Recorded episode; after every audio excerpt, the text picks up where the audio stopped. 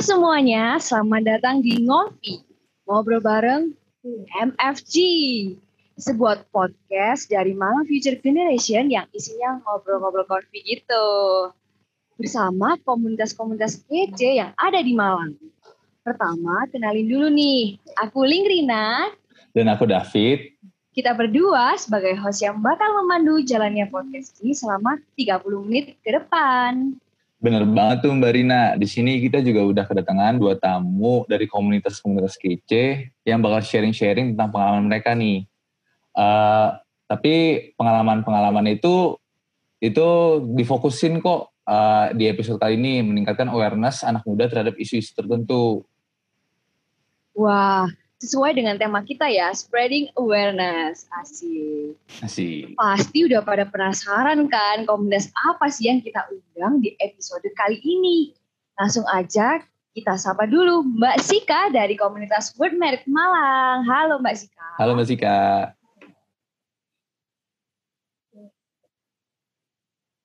Halo Mbak Sika. Halo Mbak Sika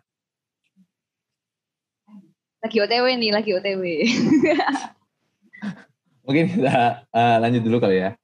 Uh, selain Mbak Sika nih, kita juga kedatangan dari Earth Tower Malang uh, bernama Mbak Sintia. Halo Mbak Sintia.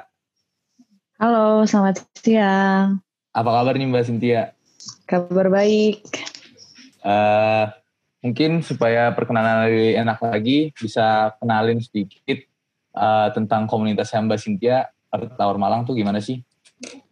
Oke, okay. uh, eh, ini sorry ya ada kucingku ganggu dikit. Ah, lucunya. uh, jadi sekali lagi perkenalan nama aku Karena Cynthia sebagai koordinator Kota Art Tower Malang. Uh, biasa dipanggil Cynthia. Jadi kurang lebih kalau ditanya menjabatnya berapa lama mungkin baru setahun ini. Dan aku gabung di Art Tower sendiri baru dari mulai tahun lalu jadi sekitar dua tahunan sama ini. Terus uh, ngobrolin tentang Art Hour Malang sendiri itu komunitas salah satu komunitas yang ada di Malang yang bergerak pada bidang peduli lingkungan. Uh, banyak sebenarnya komunitas yang peduli lingkungan bukan cuma Art Hour Malang, cuman mungkin bisa dibilang Art Hour Malang salah satu yang mulai di awal-awal karena waktu itu berdiri pada 2011 sekitar tahun segitu. Terus uh, Art Aura sendiri di Indonesia itu ada sekitar tahun 2009-an. Jadi kan kayak di Indonesia itu masih awal dan kita dua tahun kemudian juga mulai ada di Malang kayak gitu. Terus kalau Art Aura sendiri sebenarnya dikenal sebagai komunitas yang awalnya punya gerakan hemat energi. Jadi dikenal sama dikenal sebagai komunitas yang biasa dibilang kayak komunitas yang suka matiin lampu kayak gitu. Karena lalu kita juga 60 plus. Dan itu tuh memang ngomonginnya ceritanya gimana kita bisa mulai hemat energi dari mulai sejam uh, kan 60 itu kan artinya 60 menit eh, itu sejam. Nah, kenapa maksudnya mati apa? Kenapa ngomongin sejam itu?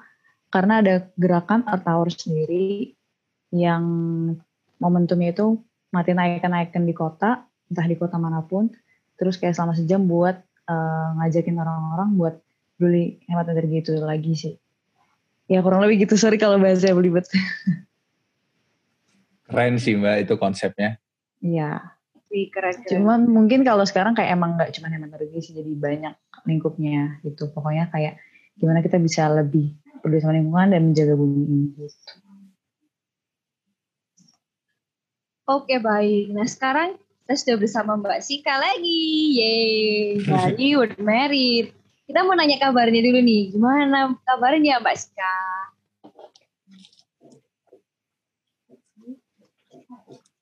Halo Mbak Sika, apa kabar? Halo, baik. Apa kabar kamu juga? Baik, semua baik, asik. Nah, Mbak Sika, ini kan dari World Merit nih.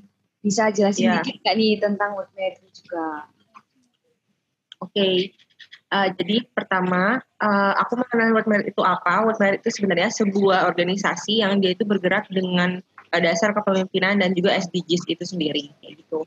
Pertama kali World Merit didirikan uh, itu tahun 2011, uh, itu di Liverpool. Setelah itu um, sampai ke Indonesia itu pada tahun 2015 dan sampai ke Malang itu di uh, apa namanya diinisiasikan oleh seorang pemuda namanya Kak Dini itu di tahun 2017 kayak gitu.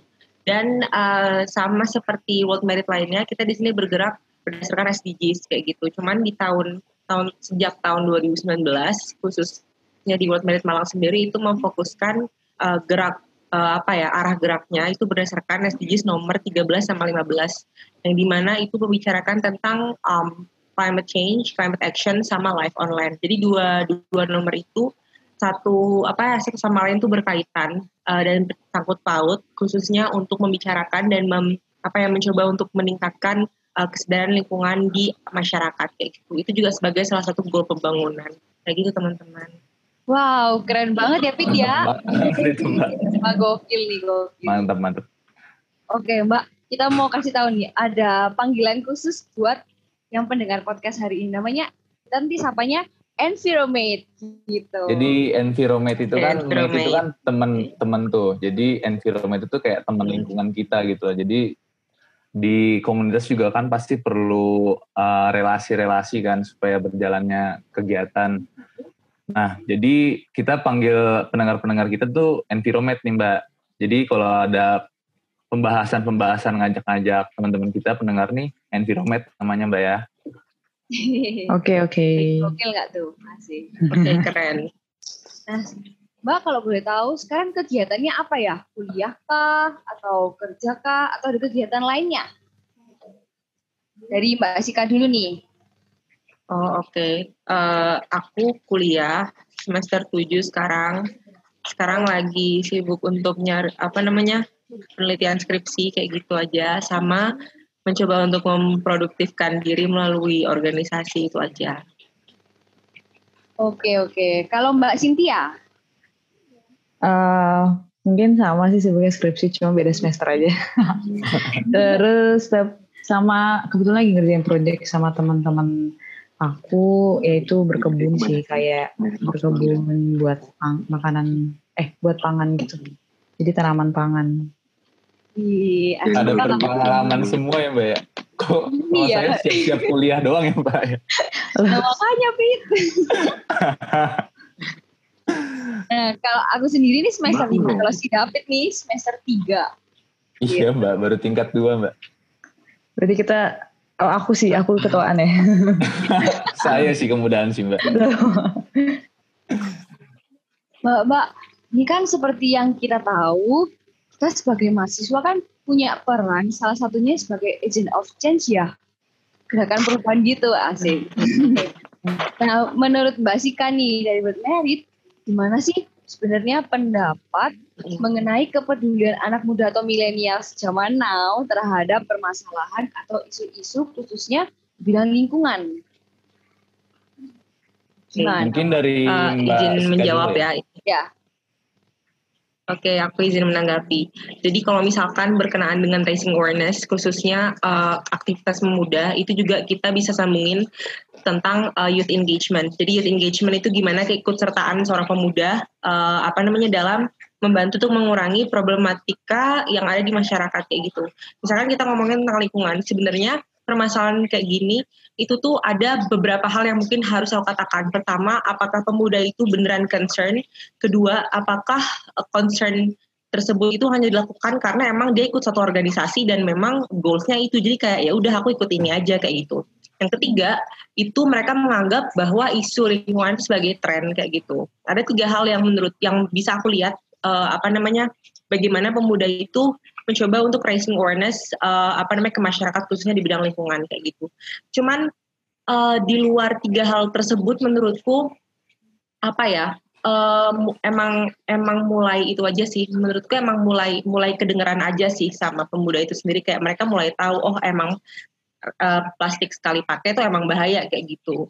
Terus misalkan uh, styrofoam juga misalkan bahaya. Cuman mungkin mereka baru tahu secara surface aja kalau misalkan itu bahaya nggak banyak dari dari uh, pemuda maksudnya kayak nggak gimana ya kayak bisa, bisa aja kayak 10 banding 100 atau gimana itu yang benar-benar mencoba untuk uh, mengimplementasikan aktivitas-aktivitas yang itu mengarah ke eco-friendly kayak gitu. Jadi secara informasi aku bisa bisa bilang pemuda tuh semua paham tentang uh, apa namanya climate change atau ya se, ya gitulah pokoknya seperangkatnya kayak gitu. Cuman dalam hal implementasi emang belum semua benar-benar uh, melakukan hal seperti itu. Tapi kita kita harus mengapresiasi gitu loh walaupun mereka ada beberapa dari mereka yang baru tahu informasinya aja kayak seenggaknya oke okay, seenggaknya mereka tahu informasi setelah mereka tahu informasi mereka jadi penasaran setelah mereka penasaran mereka jadinya mau melakukan uh, hal yang apa namanya kayak sejalan dengan uh, apa ya sebagai solusi untuk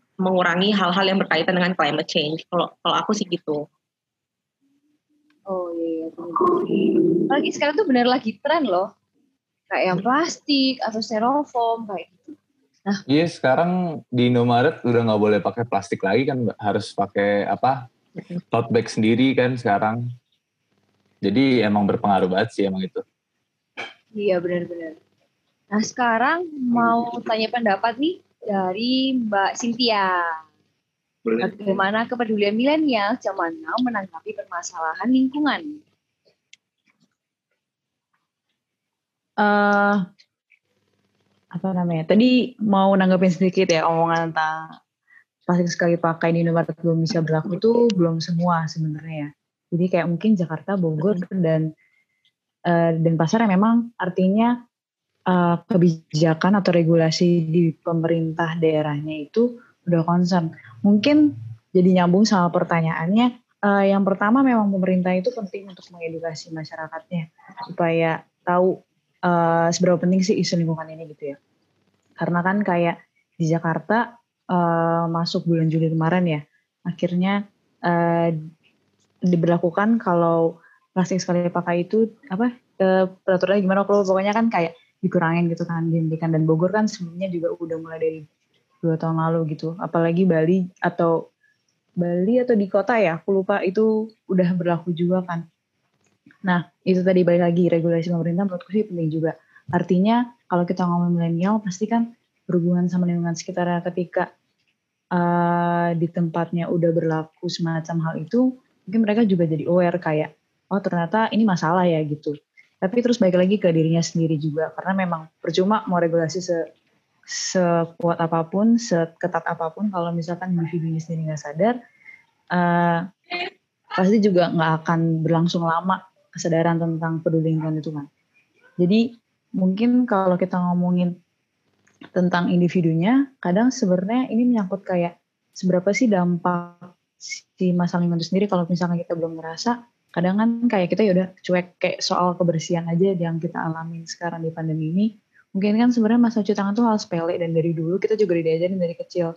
Tapi uh, ketika ini berdampak banget barulah kita kayak oh ya deh aku bersih-bersih gitu kan ya deh aku mulai sadar hal sepele cuci tangan kayak gitu sih mungkin memang informasi itu penting banget kalau misalkan di ranah sekarang jadi kayak kita berharap setidaknya minimal banget tuh kita bisa menyuarakan hal itu dengan konteks informasi dengan konteks kampanye supaya orang-orang yang mungkin belum aware yang belum ngerasain dampaknya itu jadi ngerasa gitu kayak oh ternyata kayak gini ya di laut oh kak ternyata uh, ada orang-orang yang istilahnya misalkan tercemar ya sama air sehingga dia nggak bisa ngerasain air bersih. Uh, mungkin kayak gitu sih. Nah kalau misalkan kita lihat konteks kenyataannya kenapa mungkin orang masih banyak yang belum aware. Tadi balik lagi sih mungkin memang ada informasi dan lingkungan yang belum tercipta uh, untuk bisa lebih peduli gitu. Karena misalnya kita lihat sendiri dari keluarga kita gimana. Kalau keluarga kita belum peduli kadang juga kita kayak udah peduli terus kayak lupa lagi gitu kan. Kayak kita udah gabung di komunitas lingkungan untuk bisa peduli tapi begitu balik lagi ke rumah terus jadi kayak ya gimana? Aku di keluarga sendiri juga tetap kayak gitu?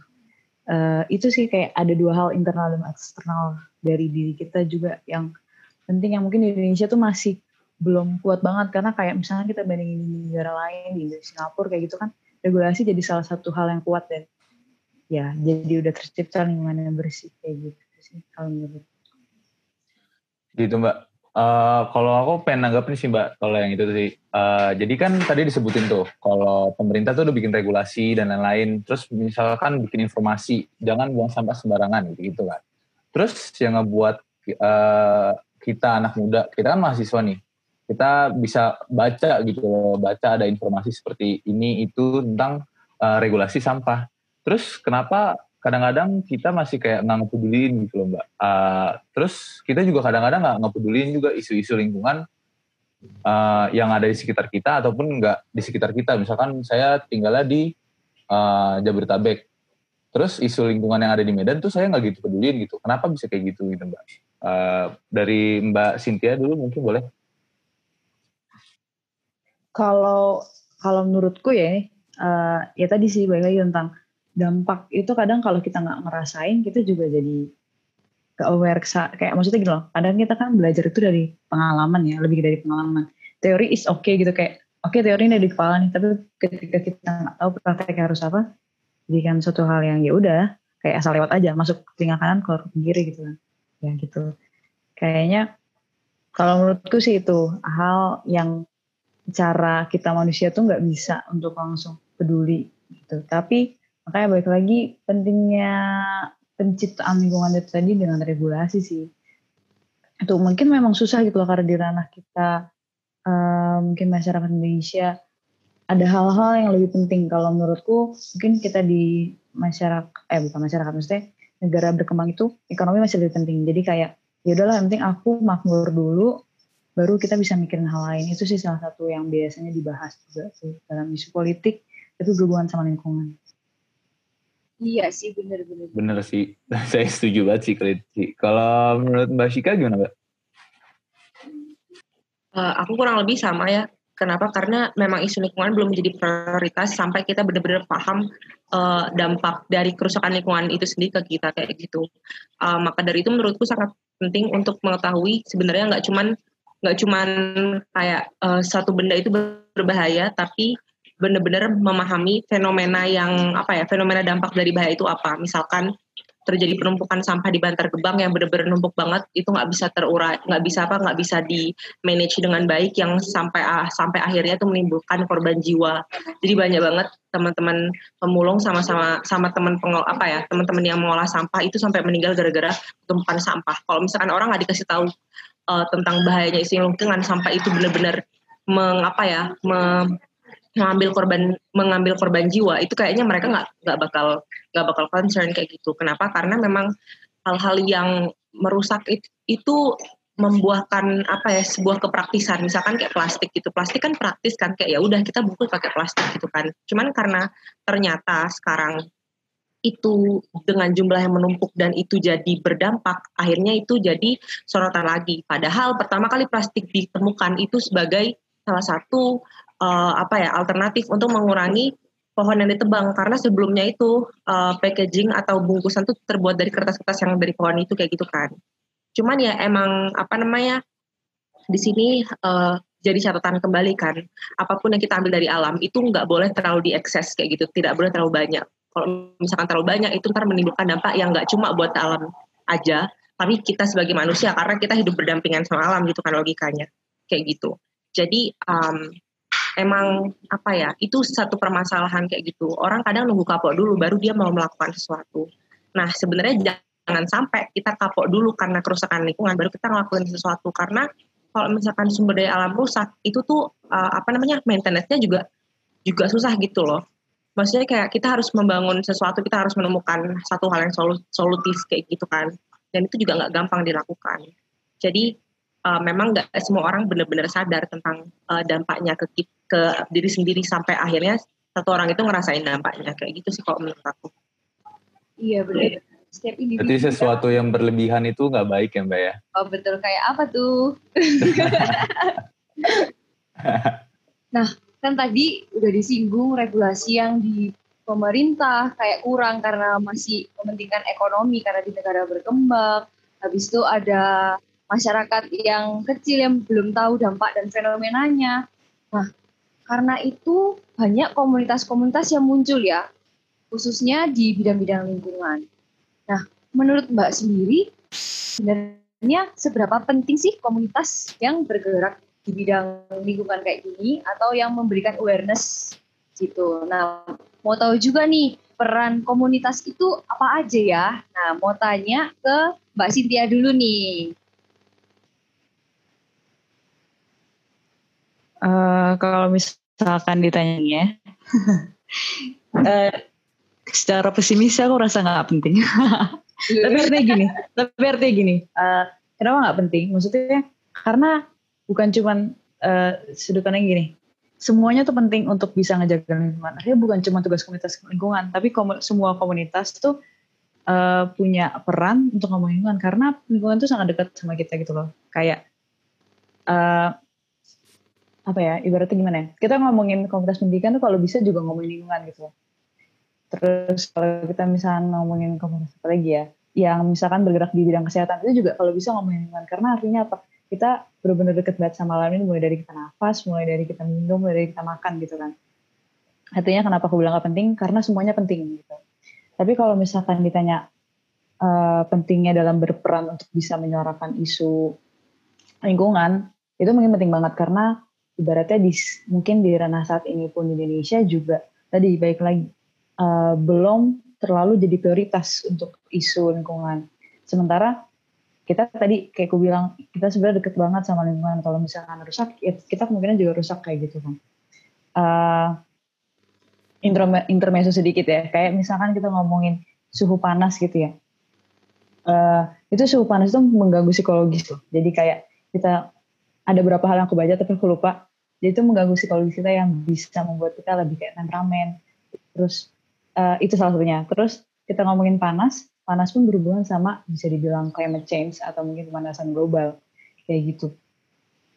Itu intermezzonya. Terus makanya kalau misalnya kita ngomongin peran komunitas untuk menyuarakan lingkungan ini kalau di Atawa sendiri sih kita banyak melakukan kampanye dengan ya menyuarakan kayak misalkan kita bikin aksi bersih-bersih pantai, terus misalkan bersih-bersih CFD, gak bersih-bersih sih, kayaknya kita tukang bersih-bersih gitu ya kesannya.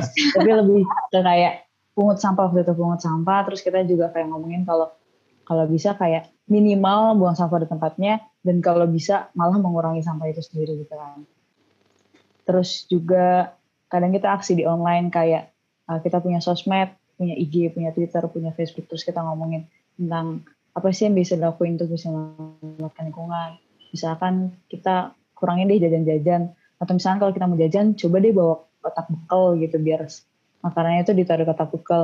Uh, mungkin yang sekarang juga lagi, ini sebenarnya nggak tertarik ya kalau misalkan bahasa kayak hit soalnya, eh kayak lagi apa viral atau lagi terkenal gitu kayak lagi populer karena seakan-akan suatu saat nanti masalah lingkungan itu kalau udah nggak populer jadi lupa jadi kayak misalnya kita ngomongin Tumblr lagi populer jadi nanti kalau nggak populer orang-orang lupa. Padahal itu sebenarnya penting banget karena sederhana kita sebenarnya nggak perlu beli minum loh. Kita bisa bawa aja dari rumah gitu kan. Itu lebih hemat dan memang tadi ngurangin ngurangin apa sampah itu sendiri. Karena sebenarnya kalau yang kurang menurutku yang orang-orang kurang paham itu ketika kita ngomongin peduli lingkungan sebenarnya ekonomi kita juga bisa terbantu artinya ketika kita ngomongin sederhana kita sebagai konsumen kalau kita bisa ngurangin pembelian kita, ekonomi kita juga ya jadi balance gitu kalau menurutku. Itu sih kurang lebih kalau misalnya ngomongin Earth Tower, kita di ranah kampanye itu uh, untuk bisa uh, ngajak orang-orang lagi peduli. Mis, mungkin sekarang itu lagi sering isunya sih sampah sih itu. Oh, gitu. keren keren. Berarti keren, keren. kampanye, habis itu ada aksi kampanye, nyata juga iya. gitu ya? Ya dulu pernah juga sih nih, kayak uh, nanam mangrove di pantai mana lupa tapi udah lama banget 2016 2015an gitu. Asik di Malang juga tuh Mbak. Di Malang, ha, di pantai selatan. Oh. Harus di sana berarti kita Mbak. Supaya boleh boleh. Terus kadang art tower juga beda-beda sih emang ada yang fokusnya kayak misalkan di Sumatera itu kan soalnya art tower banyak di Sumatera fokusnya di satu langkah karena kan kayak ada macan gitu di daerah Sumatera. Misalkan di mana lagi ya kalau di Bali itu isunya banyak isu laut kayak gitu sih. Kalau tahu Oh gitu, berarti isu-isu juga tergantung dari lokasinya juga ya Mbak ya? Ya kebetulan gitu sih, mungkin karena Malang itu di ranah dia adanya di kota, jadi kita lebih ngomongin kayak uh, masalah-masalah di kota ya. Gitu ya. Salah ya. sampah iya. Mantap mantap. Nah kalau misalnya dari Mbak Sika nih dari Word Merit, Oke, ini ngebahas tentang peran organisasi. Kalau misalkan kita lihat uh, ada segitiga segitiga utama uh, yang membantu untuk uh, men-solve satu problem. Yang pertama government, business owner, sama society. Dan uh, ranah organisasi sendiri itu masuk ke society. Kenapa? Karena di sini uh, aku mau bilang kalau misalkan komunitas khususnya yang isinya pemuda itu kita-kita yang lagi fresh, kita-kita yang benar-benar mampu menyerap banyak informasi yang menurutku itu harus disampaikan kayak gitu. Sampaikan ke siapa? Terserah mau ke peers, mau ke teman-teman jurusan, mau bahkan mau ke masyarakat luas itu juga bisa. Kenapa penting? Karena satu, kita yang punya informasi kayak gitu dan di sini kita yang uh, apa namanya kayak ngerasa punya misi untuk menyampaikan informasi itu. Bahkan tidak hanya untuk menyampaikan informasi tapi kita melakukan uh, satu aksi yang di mana itu realisasi dari informasi yang kita sampaikan. Kayak gitu. Jadi komunitas itu penting karena kita terstruktur, kita punya goals, kita punya visi misi, bahkan secara teknis kita punya logical framework yang itu juga mengarah kepada proyek apa yang harus kita lakukan, sasarannya siapa, tujuan kita melakukan proyek itu apa gitu loh khususnya dalam hal lingkungan itu sendiri.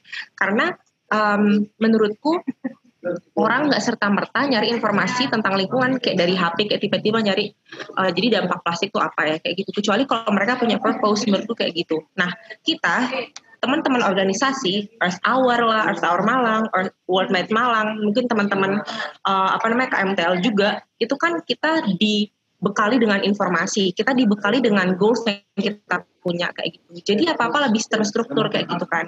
Nah, itu yang membuat organisa kehadiran organisasi itu penting pada masyarakat. Karena masyarakat sendiri itu juga sebenarnya kayak mereka mikir untuk nyari informasi tentang lingkungan karena satu mereka itu juga belum concern kalau menurutku kecuali emang mereka terdampak dari kerusakan lingkungan kan. Nah, maka dari itu komunitas atau organisasi itu hadir di situ untuk nyampein. Kita berusaha untuk uh, melakukan berbagai macam pendekatan ya sesuai dengan target. Misalkan kayak kita uh, targetnya ke masyarakat atau ibu-ibu PKK atau misalkan RT RW gitulah. Kita pasti punya pendekatan tersendiri. Bagaimana kita cara ngomong ke masyarakat tentang ngasih info lingkungan kayak gitu.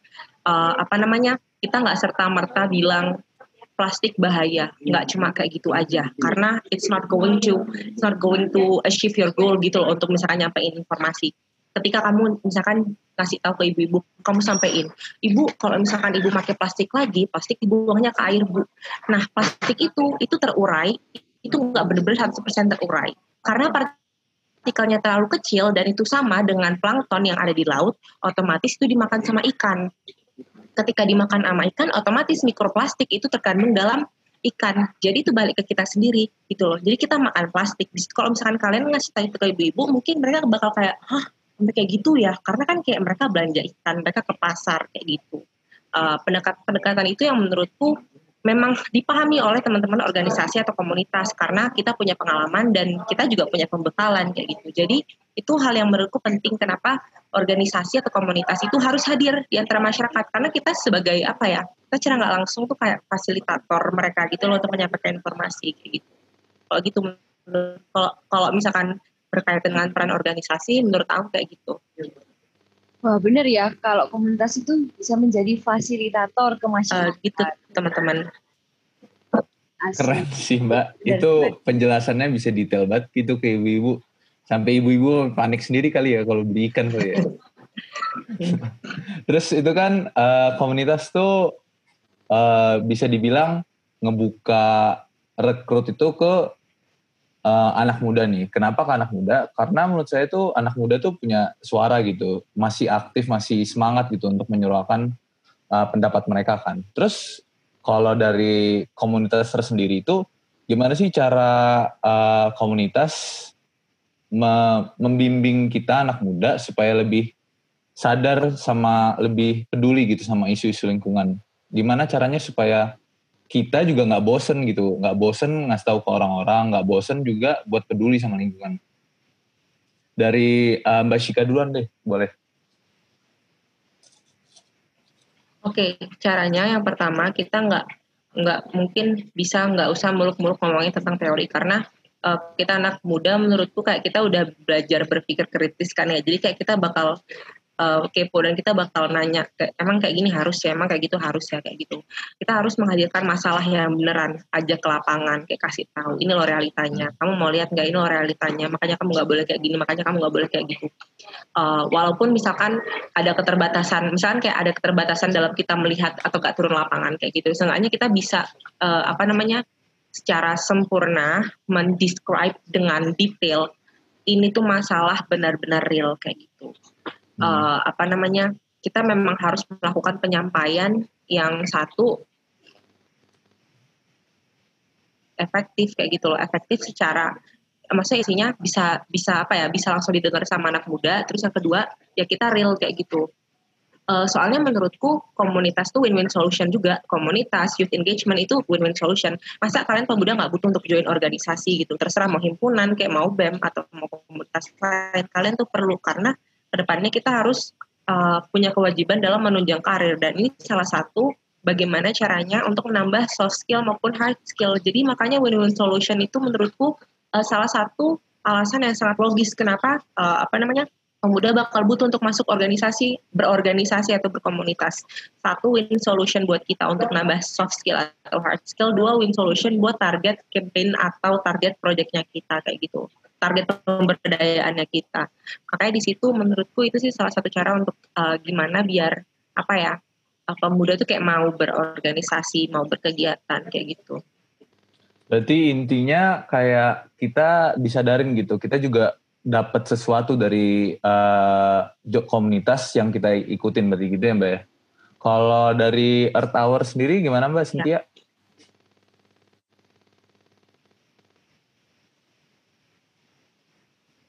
Um, ini pertanyaan yang sangat tantang sih, selalu kayak uh, karena kan memang kita di basis komunitas itu sesuatu yang tidak terikat ya, apalagi anggota atau sendiri disebutnya volunteer gitu, relawan. Jadi uh, apa ya, kayak sebenarnya kalau di kita ya biasanya ketika kamu memang mau uh, apa ya ngasih waktu kamu, emang kamu mau benar-benar uh, concern ke masalah lingkungan, ya udah ayo gitu. Jadi di sini sebenarnya nggak nggak pernah, maksudnya di komunitas tower nggak nggak nggak bisa jamin kayak kamu bakal mau terus apa ya uh, terikat di kegiatan kita gitu. Artinya justru ya itu uh, pada kenyataannya memang kalau kamu mau benar-benar eh kalau memang anak muda itu nyatanya peduli, ya itu kelihatan dari gerakan komunitas-komunitas yang ada gitu. Ketika gerakan komunitas itu masih kecil, mungkin ya itu gambaran nyata bahwa memang memang belum belum semuanya peduli gitu. Maksudnya dia ada di komunitas lingkungan tapi um, kayaknya aku belum yakin deh gitu mau ngapain ya gitu. Terus artinya udah tahu caranya tapi kok ah ya udahlah gitu. Nggak ada manfaatnya buat aku. Artinya gini kalau di komunitas kita nggak nggak nggak punya branding yang kamu kalau nggak punya marketing mungkin ya nggak punya marketing yang kamu kalau ikut ini bisa jadi gini loh. Nggak itu semua balik lagi ke kamu mau kasih apa sih gitu. Kita nggak akan kasih apa-apa tapi apa yang mau kamu kasih ke ke masalah ini gitu ke kamu mau nggak jadi jadi pionirnya untuk bisa menyelesaikan masalah ini ya. Kalau enggak ya udah gitu. Sebenarnya ini agak yang kayak apa ya jadi kayak ya udah nating tulus aja gitu sih. Hmm. gitu. Karena sebenarnya masalah lingkungan kan memang bukan cuma masalah anak muda tapi memang secara komunitas kita anak muda itu yang bisa bergerak dengan konteks kita yang produktif dan mungkin istilahnya kebanyakan kayak masih kuliah gitu dan masih punya waktu luang banyak gitu ya kan. Jadi memang konteks anak mudanya lebih ke kayak waktunya tapi ya kita nggak pernah kayak ngikat kamu harus join terus gitu. Nggak nggak bisa. Karena balik lagi gitu. Komunitas lagi bebas gitu. iya benar juga ya. Apalagi kalau sebenarnya kita ikut komunitas udah dapet yang kata Mbak Sika eh, pengalaman soft skill hard skill habis itu juga kita bisa menyelamatkan bumi ya enggak dengan ya. aksi-aksi dengan awareness. Ini kan memang bukan cuma kita sendiri tapi kita bisa men, apa ya memberi awareness ke masyarakat, bisa terjun ke dan meng, kayak membantu mengatasi permasalahan-permasalahan dan isu-isu yang ada. Nah, sebenarnya kalau ikut komunitas dan udah memberikan awareness itu hal yang paling penting dan yang puncak itu adalah komitmen. Ya kali komitmen sama pacar aja susah ya. Kok jadi curhat sih mbak? Karena biasanya walau sudah komit itu anak-anak muda itu sulit untuk melakukannya secara konsisten. Jadi kayak, aduh abis ini semangat nih, tiba-tiba besok, aduh males nih, mau tidur dulu lah, mager lah, atau apa. Nah, gimana cara dari komunitas memberikan motivasi dan membiasakan anak muda untuk tetap konsisten melakukan aksi nyata. Gitu. E, dari Mbak Sika dulu nih. Oke, ini berkaitan dengan komitmen ya. Um, sebenarnya ini kita harus ngelakuin dari dua sisi, dari sisi komunitasnya. Misalkan kayak kita, misalkan kayak kita sebagai anak intinya nih, terus sama volunteernya kayak gitu. Uh, satu sisi memang dari anak intinya tuh harus kayak menyadarkan kalau misalkan ayo gitu di sini kamu nggak cuman sebagai volunteer loh kayak gitu di sini kamu bisa berkontribusi kamu bisa berkembang kamu bisa menyalurkan uh, mungkin melakukan hal-hal yang belum pernah kamu lakukan sebelumnya dan ini ntar berbuah tidak hanya ke pengalaman tapi berdampak pada uh, apa namanya kemampuannya kayak gitu. Nah di satu sisi volunteer itu juga juga harus sebenarnya harus punya harus punya apa ya harus punya uh, apa motivasi yang kayak aku harus kontribusi kayak gitu. Aku nggak bisa asal masuk asal aja untuk dapetin sertif kayak gitu. Nggak nggak sebenarnya nggak cukup di situ gitu.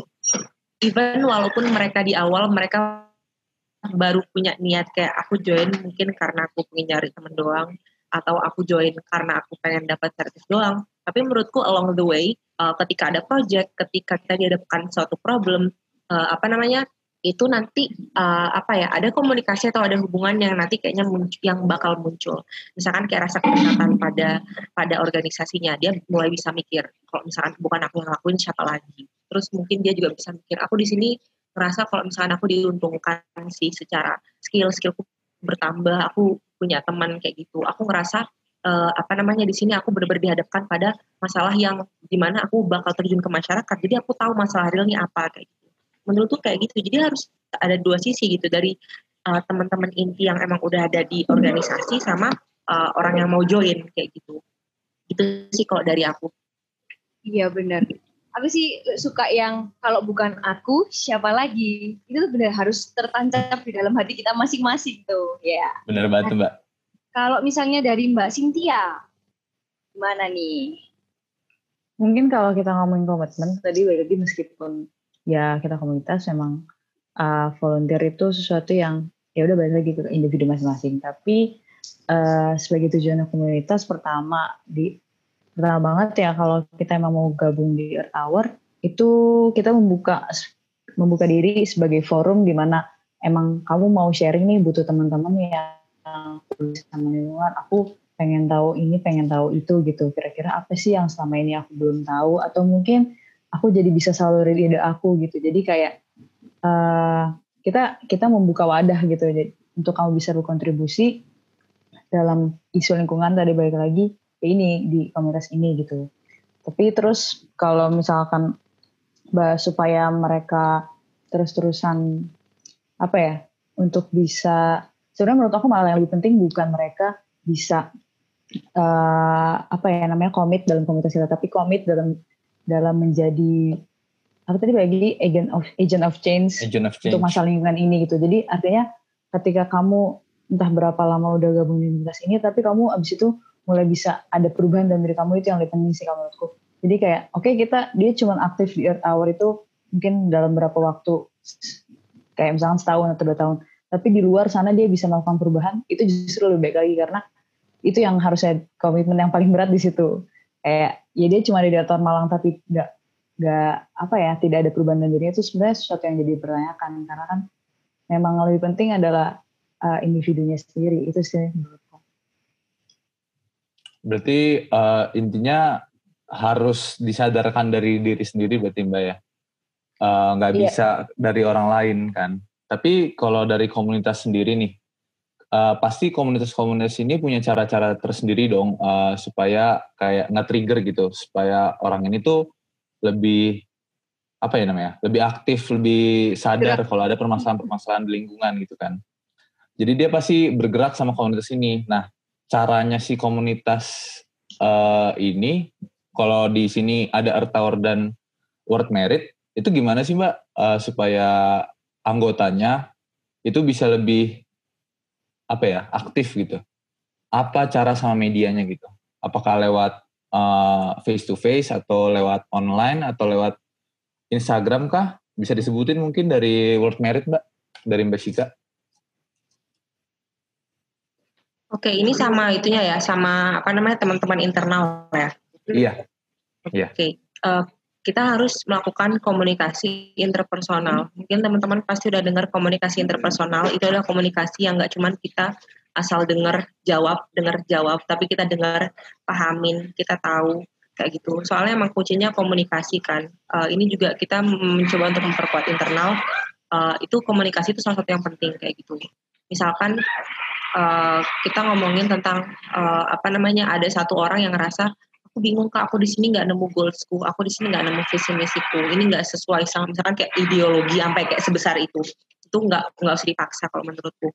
Kalau misalkan uh, permasalahannya dia se, sebatas kayak aku bingung kak aku nggak tahu harus gimana geraknya aku ngerasa kok di sini aku terkekang kayak gitu kita coba tawan maksudnya kayak sebagai orang yang inti atau misalkan sebagai leader dalam satu komunitas kita harus tanya apa yang mau kamu tawarkan? Kayak gitu. Kamu punya solusi apa? Kayak gitu. Jadi hal-hal kayak gitu tuh kadang membuat orang yang ngomong tuh kayak oh ternyata aku diperhitungkan di sini dan aku bisa berkontribusi dengan cara-cara dengan caraku kayak gitu. Tapi ya emang kita kayak nggak asal nggak asal ngiyain kayak gitu uh, menurutku dengan adanya komunikasi interpersonal kayak gitu kita jadi paham dia juga jadi paham uh, apa namanya bahwa kita di sini tuh juga nggak nggak nggak apa ya nggak saklek gitu loh nggak kita harus ini ini aja kayak gitu. Mungkin kalau misalkan butuh improvement dan itu juga nggak harus dari teman-teman inti gitu. Improvement bisa bisa datang dari mana aja dan dari siapa aja. Makanya menurutku dengan apa ya memahami dan kalau kita punya komunik punya apa kemampuan komunikasi interpersonal itu itu lebih penting sih dan itu bakal uh, berdampak juga gitu. Itu sih dari aku. Berarti oh, harus berarti, dipahamin banget ya mbak ya? Iya sharing. Sharing is caring. Sharing sharing is caring. Iya benar banget mbak. Kalau dari Earth Hour mbak Cynthia gimana mbak? Uh, sistemnya sama apa beda mbak? Uh, mungkin ini bahasanya aja kali yang berbeda ya pasti mm -hmm. uh, praktiknya sama. Mungkin kalau di kita secara realnya ya kalau misalnya lagi offline gini kita ada namanya misalkan kumpul belajar bareng gitu untuk sharing uh, pengetahuan kita masa lingkungan ini apa. Ada nggak sih kalian ide-ide yang menarik bisa kita lakuin suatu saat buat kalau kita sebut kegiatan itu lebih ke aksi gitu aksi di Earth Hour kayak gitu. Terus mungkin ya pasti benar tadi menjalin relasi itu sendiri kan uh, artinya ketika udah ada yang ngurusin udah ada yang istilahnya mungkin bukan senior junior ya tapi kayak dia udah duluan di komunitas terus ada uh, teman-teman yang baru gabung gitu ya itu harus dirangkul pastinya iya gitu. Ya anggaplah teman sendiri emang kita mau jalanin apa tujuan kita bareng-bareng kayak gitu kan. Ya terus kalau misalkan balik lagi ya kalau misalnya lagi offline ya lagi nggak ada masalah pandemi ini kadang kita setiap bulan kurang lebih ada aksi ada beberapa aksi kampanye. Misalkan yang dulu dulu tuh pernah di Agus, bulan Agustus tuh kayak harusnya tuh kita ada bersih bersih pantai. Uh, terus uh, kampanye CFD tadi aku juga sebutin. Terus juga sosialisasi ke sekolah-sekolah gitu. Hmm, apa lagi ya? Mungkin juga ada kayak sosial bukan sosialisasi sih. Kita sebetulnya biasa cafe net campaign jadi kayak kampanye ke kafe-kafe gitu hmm. konsumen secara langsung kayak gitu. Itu sih kurang lebih. Itu yang artinya kita udah dimulai dengan belajar dulu terus akhirnya kita udah di internal kita udah bisa sama-sama punya pengetahuan kita sharing keluar kayak gitu sih. Supaya bisa tahu kontribusi apa sih yang kita lakukan. Jadi yang pertama kayak uh, menjunjung asas kekeluargaan, kekeluargaan di dalam komunitas atau organisasi. Habis itu baru keluar gitu ya. Nah, kalau misalnya internal kan tadi kayak Mbak Sika ada yang misalnya setiap anggotanya atau setiap teman-temannya itu ada yang sharing, ada yang kok ini kayaknya terkekang ya atau kok ini sulit ya atau apa. Nah, itu kan masalah-masalah internal nih. Nah, ini aku mau tanya masalah yang eksternal. Nah, komunitas-komunitas kan pasti menghadapi masyarakat-masyarakat yang kadang tidak sepemikiran. Dan jadi pasti ada banyak hambatan atau tantangan saat memberikan awareness. Nah, selama menyuarakan permasalahan, kira-kira apa aja kendala dan hambatan yang sudah pernah dihadapi dan bagaimana cara mengatasinya? Mau nanya dulu ke Mbak Sika dulu nih.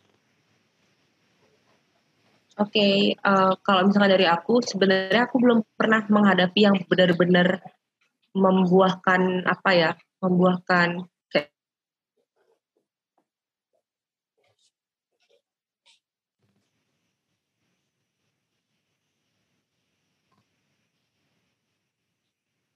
Kayaknya Mbak Sikanya lagi uh, ini ya, lagi error. Mungkin okay. bisa dilanjut Kita tanya dulu ke uh, Cynthia dulu aja kali ya. Iya benar-benar. Uh, tadi tentang kendala atau hambatan ya. Hmm, sama sih kalau misalkan aku pribadi, pri, pribadi ya, gitu, belum belum pernah tahu masalah atau kendala yang dihadapin komunitasku gitu ya. Artinya kayak sejauh ini sih sebenarnya tetap berjalan lancar aja ketika kita mau aksi. Gitu. Cuman mungkin hambatannya lebih ke bukan ketika kita mau kegiatan tapi kayak okay. apa ya?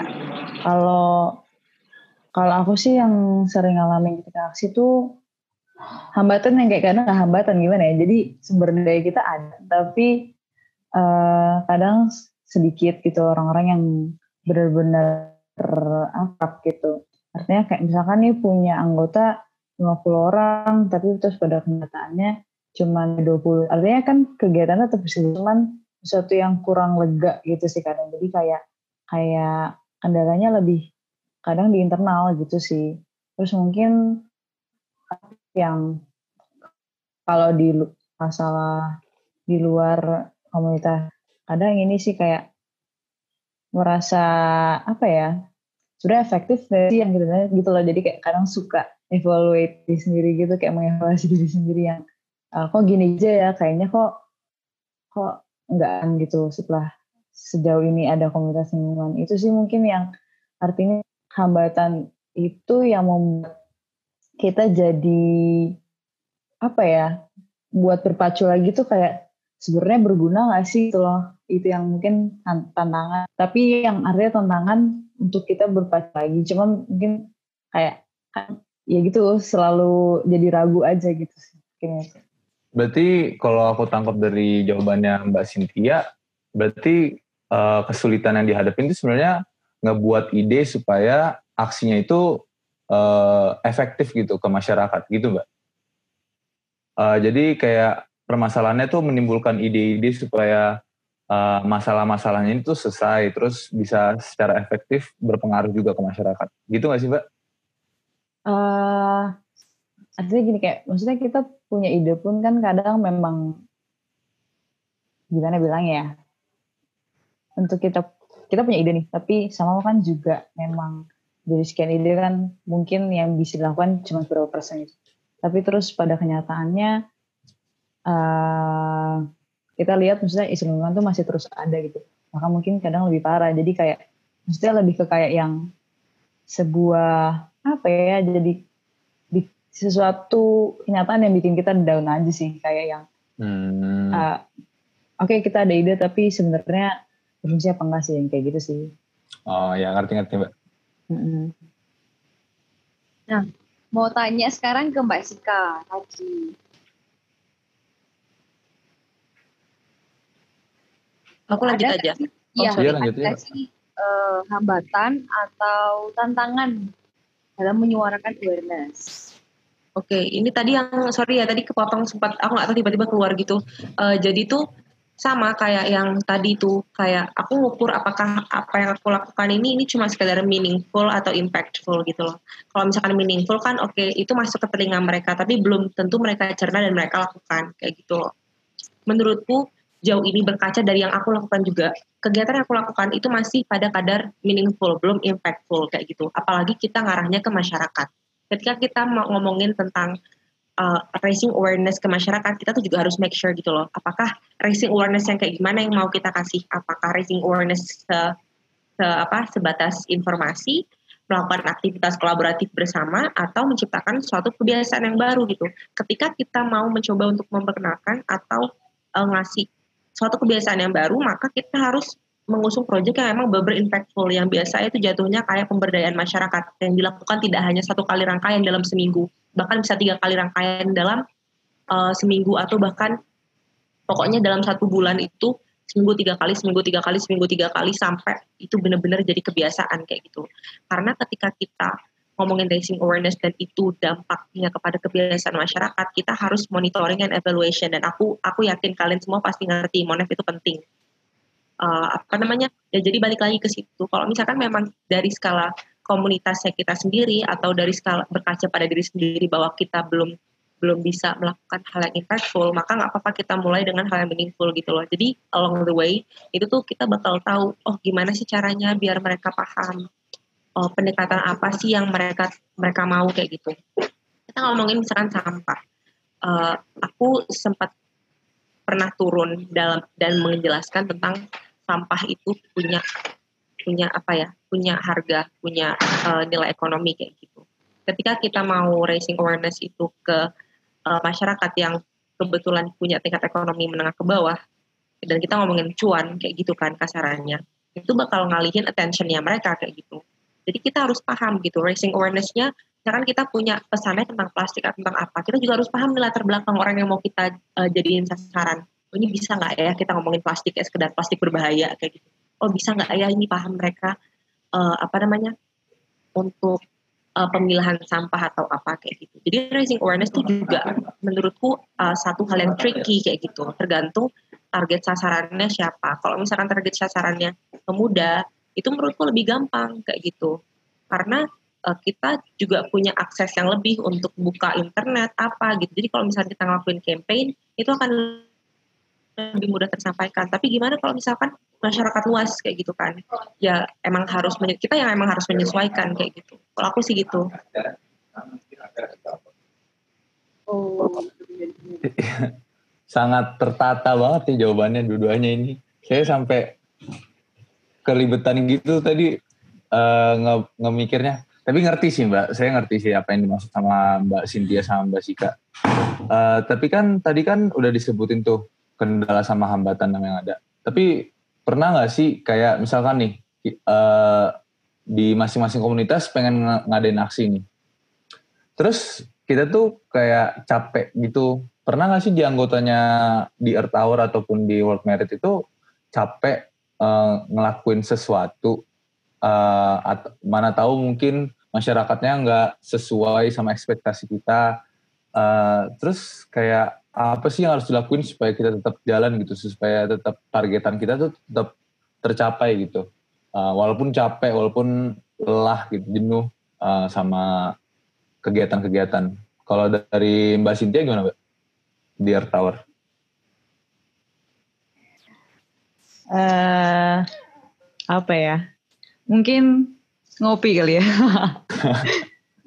Ya tapi maksudnya ya pasti memang ada momen ketika sama teman-teman tuh jadilah kita jangan bukan jangan sih artinya kayak berhenti dulu yuk ngurusin ngurusin komunitasnya ya kita nongkrong dari yang kita sharing-sharing santai aja ngomongin kehidupan pada umumnya gitu kan. Hmm. pun kadang dari situ juga kayak uh, jadi lebih refresh lagi kan terus jadi tahu apa yang perlu kita lakuin nanti-nanti kayak gitu sih. Pastinya memang uh, apa ya kedekatan kedekatan tadi yang dibahas juga kayak maksudnya komunikasi interpersonal itu memang penting itu yang ya sadar nggak sadar itu mengaruhi psikologis dan ya membangun bangun hubungan dan jadinya kita bisa semangat lagi itu sih memang kayak budaya ngopi meskipun kita nggak minum kopi ya artinya mungkin bisa minum teh bisa minum susu gitu, ya.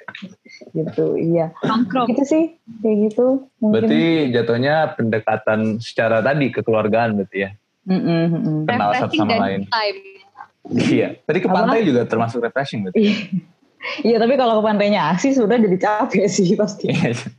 ya mungkin kalau abis itu senang-senang ya bisa lah foto-foto gitu ya. Hmm. Ya Mbak. Kalau Mbak Shika dari World Merit gimana Mbak? Uh, solusinya kalau kita lagi capek atau jenuh tuh kita harus ngapain sih di komunitas Mbak? Nongkrong. sama aja nongkrong gitu jadi jadi kayak ya biar maksudnya itu kayak itu salah satu cara untuk ngalihin fokus gitu loh. Kan kalau misalkan kita fokusnya ke project itunya pusing gitu. Hmm. jadi ya udah kayak bilang aja kayak ayo kita hangout gitu. Tapi ya di situ kita nggak ngomongin hal-hal terkait organisasi gitu. Kita ngomongin tentang hidup. Jadi ya biar kita bener-bener paham. Kita bener-bener paham sifatnya teman kita. Maksudnya bukan maksudnya sifatnya teman kita bukan dalam terms yang negatif ya. Kayak misalnya hmm.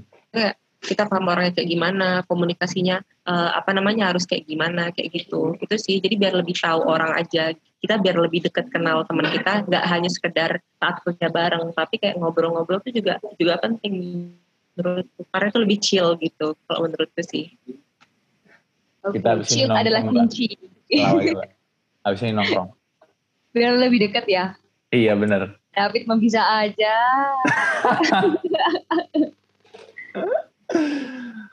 nah Mbak ngomong-ngomong nih, kan sekarang lagi pandemi kayak gini. Terus sebenarnya kan pasti berdampak pada setiap aspek kehidupan ya kan. Nah kalau dari komunitas sendiri, sebenarnya sebesar apa dampak pandemi kinerja komunitas dalam raising awareness? soalnya kan terhambat nggak bisa misalnya nggak bisa berkegiatan nggak bisa ketemu langsung iya harus online nah itu gimana sebesar apa dampaknya bagi komunitas? Ke dari mbak, mbak Sika dulu. Ya aku dulu. Ya. Oke. Okay. uh, eh, besar sih besar banget ya gitu kan. Walaupun kita sebatas harus komunikasi online atau rapat online atau apa gitu kan. Tapi orang jatuhnya mager gitu loh kalau menurutku ya. Orang tuh malah makin mager. Bukan makin maksudnya nggak yang dilihat tuh bukan kemudahannya tapi kayak aduh mager banget ngapain sih? kayak gitu kan. Uh, hmm. itu tantangan besarnya. Tapi tantangan lebih uh, apa namanya menurutku apa yang apa ya uh, dampak positifnya itu kita kalau nggak approach orang tuh lebih mudah kayak ayo berkegiatan ayo berkegiatan gitu. Karena salah satu hal yang bisa kita lakukan adalah berkegiatan via online kayak gitu kan. Kayak misalkan rapat rapat rapat uh, bukan rapat sih kayak misalkan meeting. Kemarin uh, World Merit tempat meeting sama World Merit Headquarter dan uh, National Council lainnya kayak gitu tentang uh, Global Task Force. Jadi Global Task Force itu kayak bagaimana tiap-tiap uh, negara itu uh, menghadapi corona gitu, perannya apa gitu, apa namanya terus langkah efektifnya itu seperti apa sebenarnya itu keproduktivitasan itu tidak menut apa tidak tidak apa ya tidak boleh terhambat hanya karena pandemi menurutku karena bakal ada segala macam cara. Salah satunya dengan meeting online tadi kayak gitu. Kita ngobrolin hal-hal yang uh, apa namanya emang bener-bener yang harus dibahas. Misalkan tentang pandemi kayak gitu. Kalau misalkan menurutku uh, yang hambat tuh itu sih uh, gimana kayak kita mau apa uh, ngomongin langkah selanjutnya kita harus ngapain kayak gitu. Apalagi yang sebelumnya aku omongin tuh tentang keefektivitasan ketika kita turun langsung dan memberdayakan masyarakat. Sekarang kayak kita gimana cara ngeberdayain masyarakat kalau misalkan online kayak gitu kan. Uh, itu yang susah sih sebenarnya kayak susah banget. Jadi ya udah kita kita mencoba untuk memaksimalkan apa yang kita punya. Kalau misalkan emang yang bisa dilakukan hanya melalui platform online ya udah kita lakuin lewat platform online aja. Kalau dari aku kayak gitu. Wow, berarti pandemi tidak membatasi gerak dari komunitas ya, walaupun metodenya aja diganti jadi online. Nah, kalau Mbak Cynthia sendiri nih, bagaimana? Uh, kalau Eha sama sih, pastinya banyak banget hal-hal yang di pandemi ini karena kan adanya perubahan kayak gini tuh jadi sebenarnya kalau ditanya menghambat ya gimana ya? Ya ya gitu. E, menghambatnya karena komunikasi tadi kan kita nggak bisa ketemu. Jadi gimana ya susahnya? Eh bukan susah maksudnya artinya kita yang biasa ting ngomong tinggal uh, bisa tetap tatapan mata tapi ini kayak ya tatapan mata apa enggak ya? Nggak tahu dia lagi lihat kita apa enggak gitu kan misalkan online kayak gini. Uh, sama sama teman-teman di Earth Tower juga ketika kita ngebahas uh, pengalihannya ke mana? Online. Kita banyak jadinya campaignnya lebih cuman misalnya ngadarinnya ya di sosmed itu di IG gitu kadang bikin challenge kadang bikin ya mungkin pernah juga bikin webinar kayak gitu kan. Tapi pada masa itu pun ada kejenuhan kan kayak wah udah terlalu banyak nih apa apa kita lihat di sosmed apa apa kita lihat di internet itu kan. Artinya uh, di EHA pun kita juga coba buka apa ya kita kita bebasin aja lah gitu. Karena balik lagi menurutku goals dari uh, komunitas Earth Hour buat jadi komunitas peduli lingkungan itu pertama di individunya gitu kan. Ketika teman-teman di komunitasku sharing di sosmednya kalau dia lagi menanam, kalau dia lagi uh, apa ya melakukan kegiatan yang yang udah biasa kita kampanyein itu senang banget sih kayak artinya ya udah memang balik lagi toh kamu juga uh, belajar sendiri lagi gitu. Jadi nggak berhenti belajarnya uh, di komunitas aja gitu tapi kamu juga belajar di rumah kamu belajar sama teman-teman yang lain gitu kan. Cuman mungkin memang ketika kita ngomongin kampanye lingkupnya jadi lebih kecil. Ketika dulu kita bisa turun lapang dan online sekarang jadi cuma online doang. Mungkin itu sih yang yang agak susah gitu yang yang biasa kita kadang gitu kan tadi. Aku bilang aksinya turun ke CFD atau ke pantai atau bahkan ke sekolah. Sekarang kayak mau ke sekolah kan mungkin cuman tingkat SMP SMA yang udah mengakses sosial media. Tapi ketika SD kan kadang nggak tahu ya mungkin mungkin mereka mengakses sosmed tapi bukan bukan lingkupnya bahasan kita. Karena kan juga mungkin susah gitu ya. Itu sih Berarti intinya yang dibikin jadi solusi dari Art Tower itu lebih ke gerakan individu berarti Mbak ya? Jadi di masing-masing rumah bisa kayak nanam pohon terus di post di sosial medianya gitu-gitu ya Mbak ya? Iya artinya bukan di post sosial media tapi salah satu untuk mereka apa ya membagikan hmm. membagikan momen itu kan juga lewat sosial media gitu. Ya, ya ini namanya belajar dari komunitas atau organisasi, mm -hmm. habis itu langsung implementasi sendiri, iya. ya asik. Aku juga ngeliat sih kayak teman-teman mungkin mungkin karena konteksnya mereka lagi di rumah jadi lebih gampang untuk bisa menerapkan itu ya. artinya banyak media belajar ketika mungkin tadinya sibuk kuliah uh, sekarang lebih banyak waktu luangnya gitu kali ya. Iya, apalagi bisa coba-coba di rumah. Kayak tadi ada yang nanam nanam-nanam sendiri. Terus mungkin sosialisasi di keluarga sendiri dengan cara membuang sampah atau menghemat plastik kayak gitu ya.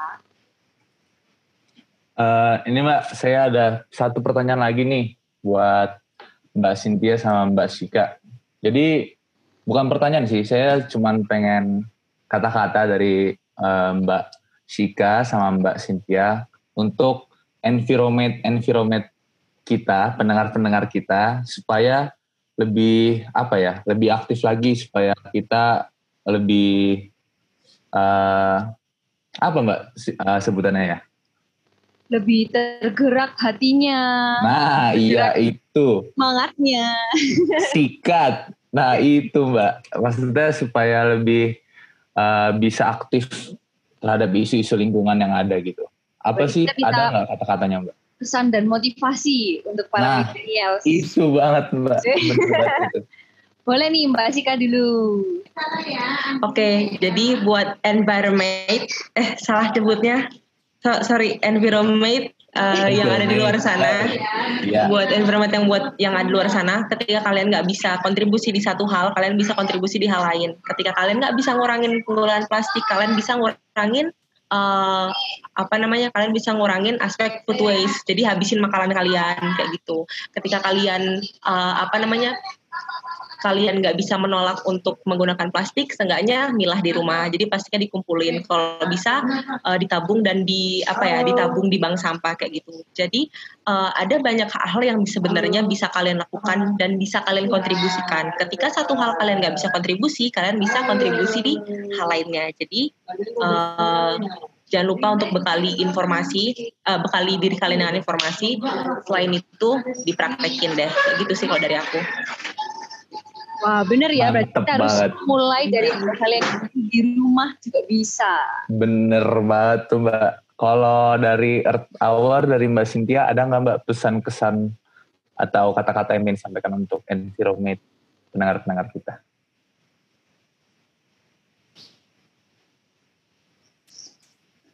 Eh, sorry, sinyal aku putus-putus nih. Gak apa-apa mbak. Agak kurang stabil, boleh diulang. Uh, jadi ada nggak mbak pesan? Tadi gimana? Pesan-pesan dari Mbak Cynthia ke pendengar-pendengar kita Enviromed supaya bisa lebih Enviromed, aktif lagi, supaya lebih peduli lagi sama isu-isu di lingkungan kita gitu mbak.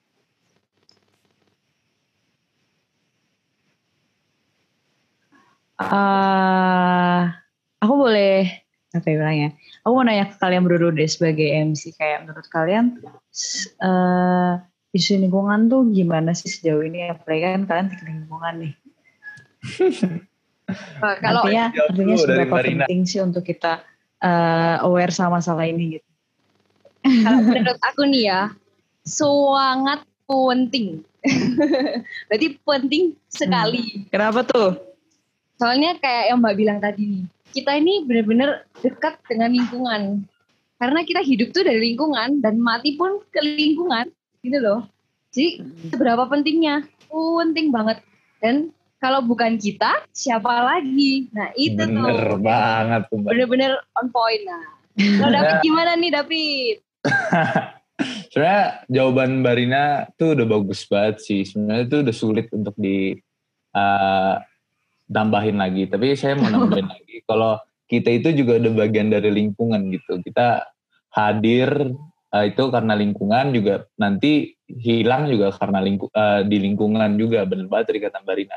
Jadi seberapa penting, pentingnya penting banget sih Mbak. Itu sih Mbak kalau saya. Tadi jawaban Mbak Rina bagus banget tadi Mbak soalnya. Jadi saya nggak bisa ngetopin lagi gitu. Bisa aja David nih.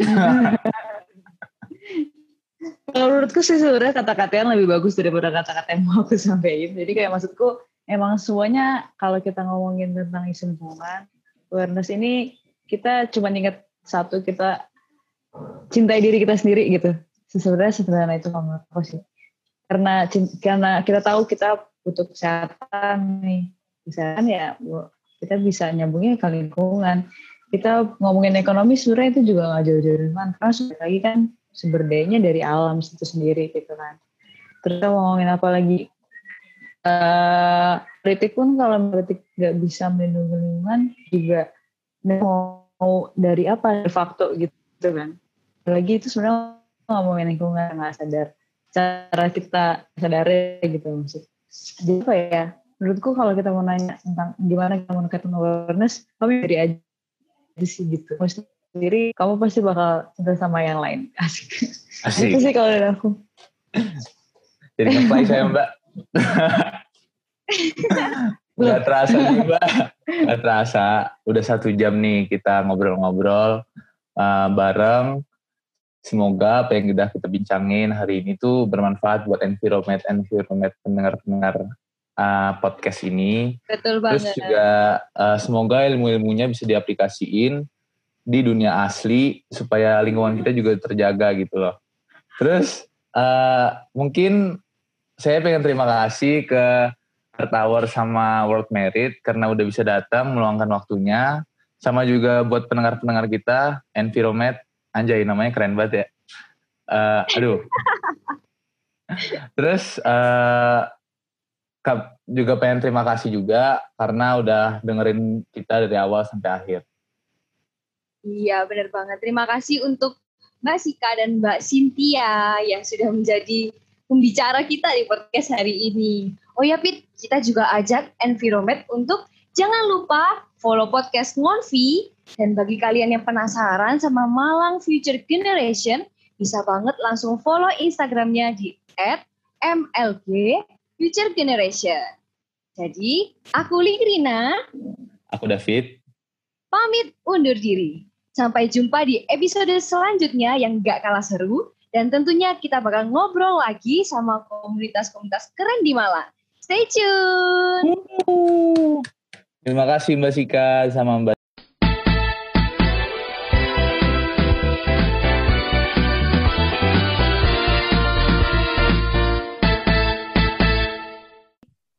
Halo semuanya, balik lagi di Ngomfi, ngobrol bareng AMFG, sebuah podcast dari Malang Future Generation yang isinya ngobrol-ngobrol komfi bareng komunitas-komunitas kece di Malang. Pertama, kenalin dulu nih, aku Hafida. dan aku David. Kita berdua sebagai host yang bakal memandu jalannya podcast ini selama 30 menit ke depan. Bener banget tuh Mbak Hafida. Di sini kita juga udah kedatangan dua komunitas kece yang bakal sharing-sharing tentang pengalaman mereka dalam berkolaborasi. Pastinya udah pada penasaran banget kan komunitas apa sih yang kita undang di episode kali ini. Langsung aja kita sapa. Ada Mas Noval dari ISEC. Halo Mas, apa kabar nih Mas? Halo, baik, alhamdulillah. Ya, alhamdulillah. sedikit gabut ya. Oke deh, mungkin bisa pengenalan sedikit dan menjelaskan tentang ISEC Mas? Oke, pertama-tama aku kenalin nama aku Novel Ihsan Rasyad, jurusan Teknik Mesin di UB. Aku dari External Relation ISEC. Jadi ISEC ini adalah organisasi yang mengedepankan pemimpinan untuk pemuda-pemuda dan juga kita fokus ke cross cultural atau yang bisa biasa dibilang eh, saling mempelajari budaya satu sama lain lah dengan cara exchange participant. Jadi kita mengirim orang ke luar negeri dan kita juga menerima ada orang dari luar negeri.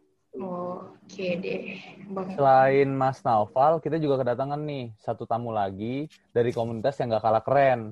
Langsung aja nih kita sapa. Mas Tu Bagus dari Buang di sini. Halo Mas. Halo David, Hafida. Iya. Kenalin aku TB dari Bumi Hmm. ini. Apa Halo, kabar nih Mas? baik. Alhamdulillah lagi pandemi gini ya. Iya Mas. Iya bener semuanya. banget. Boleh Iya. mungkin boleh kenalin apa Mas Tu Bagus itu Oke, eh, dari mana aja dan juga tentang komunitasnya Mas? Hmm. oke. Aku sebenarnya dari rumah aja sih. Oke, nggak salah sih Mas jawabannya. Oke, kenalin aku TB dari Visip eh, 2016. Eh, Alhamdulillah eh, sekarang kita lagi running komunitas ya. Sebenarnya social enterprise Hmm. sih, tapi kita bergerak di sustainability dan waste management. Em, dan kita udah jalan sejak tahun 2017 dan eh, alhamdulillah sekarang kita masih running eh, dengan beberapa program ya yang khususnya mengarah ke pengelolaan sampah dan juga sustainability kayak gitu sih. Hmm, lebih deh. enaknya kita lebih dis- discuss aja kali ya. Untuk Oh ya, oke deh. Boleh aja kalau gitu eh, langsung kita masuk ke topiknya aja. Eh, sesuai tema kita kali ini nih, kita bakal bahas tentang kolaborasi. Sebelumnya aku mau nanya dulu dari ISEC dan Buang di sini udah pernah collab sama komunitas atau instansi apa aja ya sejauh ini? Mungkin boleh dari ISEC dulu, Mas. Kalau dari kita, kita sejauh ini punya 15 media partner sama Hmm. 17 community partner. Biasanya juga eh, dari kita berkolab dengan BEM atau himpunan. Kita juga Hmm. salah satunya ada dari MSI EUB, ada dari eh, Entrepreneur Innovation Lab, itu dari Himabis. salah. Nah, habis itu ada juga komunitas Budi Malang. Jadi Hmm. kita berdasarkan dari proyek-proyek yang bisa kita jalani dengan mereka. Hmm. Terus kalau untuk Oke. media partner ada juga dari Times Indonesia, terus juga radio-radio seperti Radio Simfoni sama Radio UB. Oke, banyak banget ya Mas dari Banyak ISEC. banget. Iya, banyak banget. Aku 15 atau 17 kayak langsung wow. Oke Iya, deh. Kayaknya udah lupa tadi barusan. Iya. Oke deh, kalau dari Mas TB dibuang di sini gimana nih Mas? Oke. Kolaborasinya? Mungkin em, karena kita ini sebagai social enterprise ya, kita juga running as a startup. Cuma kita juga running as a community gitu. Dan kebetulan em, kalau untuk kolaborator sih kita nggak nggak ngitungin ya jumlah pasti berapa. Oke, oke. Gak kalah banyak berarti nih ya Mas. Nggak terhitung sih kayaknya. kelas kolaborator kita kayak kemarin tuh kita bikin acara sama Green Ration sama 80 kolaborator ya dengan em, 2000 lebih beneficiaries pemulung yang ada di Indonesia kemudian ada 211 campaign juga yang mana itu kita ngelibatin 34 kolaborator komunitas baik dari em, social enterprise kepemudaan atau mungkin dari lingkungan gitu Terus kalau untuk segi partnership eh, as a startup ya kita juga udah partnership dengan beberapa company sih dari Netherlands itu ada eh, Swissmart. Kemudian juga eh, sekarang kita lagi running collaboration project sama PT Pan Brothers TBK kayak gitu. Jadi untuk eh, jumlah pasti kita nggak bisa mastiin ya kayak gitu. Kolaborator juga lebih ke event campaign dan charity sih kayak gitu. sih.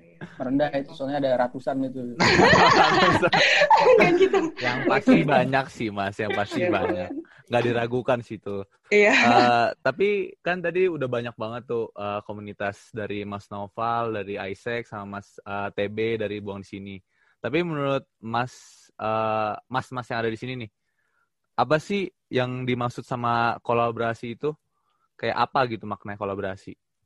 Mungkin dari Mas TB dulu deh. Tadi kan Mas Novel duluan, sekarang Mas TB sekarang. Oke. Di tempat kita sekarang ya, kita uh, apalagi di posisi sebagai mahasiswa atau mungkin organisatoris ataupun uh, agen penggerak lah kata orang-orang lah itu kita nggak bisa kita berjalan sendirian tuh nggak mungkin bisa gitu apalagi dunia udah interdependence ya semua udah saling berhubungan saling keterikatan ya kita nggak bisa nih jalan sendiri. Nih apalagi kita komunitas yang mana perlu partisipasi publik gitu. Jadi kolaborasi ini adalah uh, dasar sih menurutku kalau kita pengen achieve suatu tujuan. Jadi sebegitu pentingnya ya menurutku kolaborasi itu. Itu sih Mungkin dari Isaac bisa lebih detail dan lebih. Iya mas, boleh iya, mas. Iya, Sebenarnya udah mencakup semua sih bener. Soalnya kan kalau oh. apa uh, yang namanya kolaborasi itu kan kita memiliki tujuan yang sama, terus hmm. dia mirip lah. Dan juga kalau bahasa biologinya tuh simbiosis mutualisme. Hmm. Ada. Anak biologi. Caranya saling menguntungkan satu sama lain, iya. saling membantu okay. satu sama lain makhluk sosial. Oke okay, deh. Iya sih bener banget ya. Simbiosis mutualisme wah itu. Itu kan tadi dari makna ya Mas. Kalau dari prinsip nih, kira-kira prinsip apa yang dipakai waktu kolaborasi sama komunitas atau instansi lainnya? Mungkin dari Mas Noval dulu boleh. Kalau dari aku pribadi, sebenarnya kita nggak punya da prinsip dasar sih. Tapi kalau dari aku pribadi sih, kalau aku menjalani apa namanya dari yang aku jalanin sekarang, if hmm. you're happy and we're happy. Jadi intinya adalah ya gimana caranya kita sama-sama bisa memfulfill apa yang di awal disepakatin gitu kan. Yang tujuan kita apa, mau apa uh, demand sama apa yang kita kasihnya apa. Jadi kalau misalkan partnernya happy ya kita pun juga happy pastinya. Hmm, Oke okay deh. Kalau dari Mas TB dari Buang di sini gimana nih Mas? Apakah sama? If you're happy we are happy. Itu, itu pasti ya. Itu itu prinsipnya kolaborasi kan uh-huh. ya mutual benefit gitu. Nggak mungkin uh-huh. satu pihak doang diuntungkan. Jadi ya kita harus dapat win solutionnya. Dan kita kan tahu nih tujuan utamanya ke mana. Misal kita pengen kolaborasi bikin acara. Tujuannya dan KPI yang pengen kita capai itu sama pastikan dengan mungkin proporsi atau uh, cara yang berbeda. Mungkin dari segi metmar pengen seperti apa. Dari segi uh, event plannernya pengen seperti apa dan itu akan ketemu nih ketika memang ada uh, diskusi ketika ada deliberasi lah antara dua komunitas ini kayak gitu sih jadi uh, perlulah apa uh, saling menguntungkan seperti itu. Berarti sebenarnya dari uh, dua pertanyaan yang sudah kita tanya tadi emang hampir sama ya prinsip sama pengertian kolaborasi. Uh, ya, betul betul. Hmm. Yeah. Okay. Tapi uh, kan tadi tuh udah disebutin tuh uh, banyak banget kan tuh uh, kerjasama antar komunitas yang udah dilaksanain sama Isaac sama Buang di sini. Tapi saya pengen nanya nih, pengalaman yang paling berkesan, uh, pengalaman yang paling berkesan menurut pribadinya uh, Mas Naufal sama Mas TB selama ini tuh apa sih? Uh, dari Mas TB, Mas, boleh Mas jawab duluan, Mas. Berkesannya dalam arti gimana nih? Dalam arti begini, Mas. Kalau misalkan saya melakukan uh, kolaborasi sama komunitas A. Saya uh, bakal keinget terus nih mas, uh, ini kolaborasi ini pernah saya lakukan, terus saya bakal apa ya throwback terus ke, ke kolaborasi itu gitu. Oke, okay. um, yang paling berkesan ya mungkin waktu pandemi sekarang ya, karena hmm. siapa sih yang nggak kaget, siapa yang nggak ngerasain dampak gitu. Dan kebetulan salah satu visi kita kan juga tentang sustainability di waste management ya yang mana ada aktor nih, aktor dari waste management yang perlu perhatian khusus yaitu pemulung. Nah, kita kemarin sempat kolaborasi sama 80 komunitas di Indonesia, itu kita bikin uh, aksi nasional ya. Dan itu bener-bener berasa banget sih kita apa ya giving impact ke masyarakat yang emang benar-benar membutuhkan gitu. Walaupun kita sendiri lagi lagi krisis juga gitu dalam internal organisasi kan kita mau meeting nggak bisa gara-gara pada mencari di rumah masing-masing gitu. Terus cara financial resource juga lagi susah semuanya kan.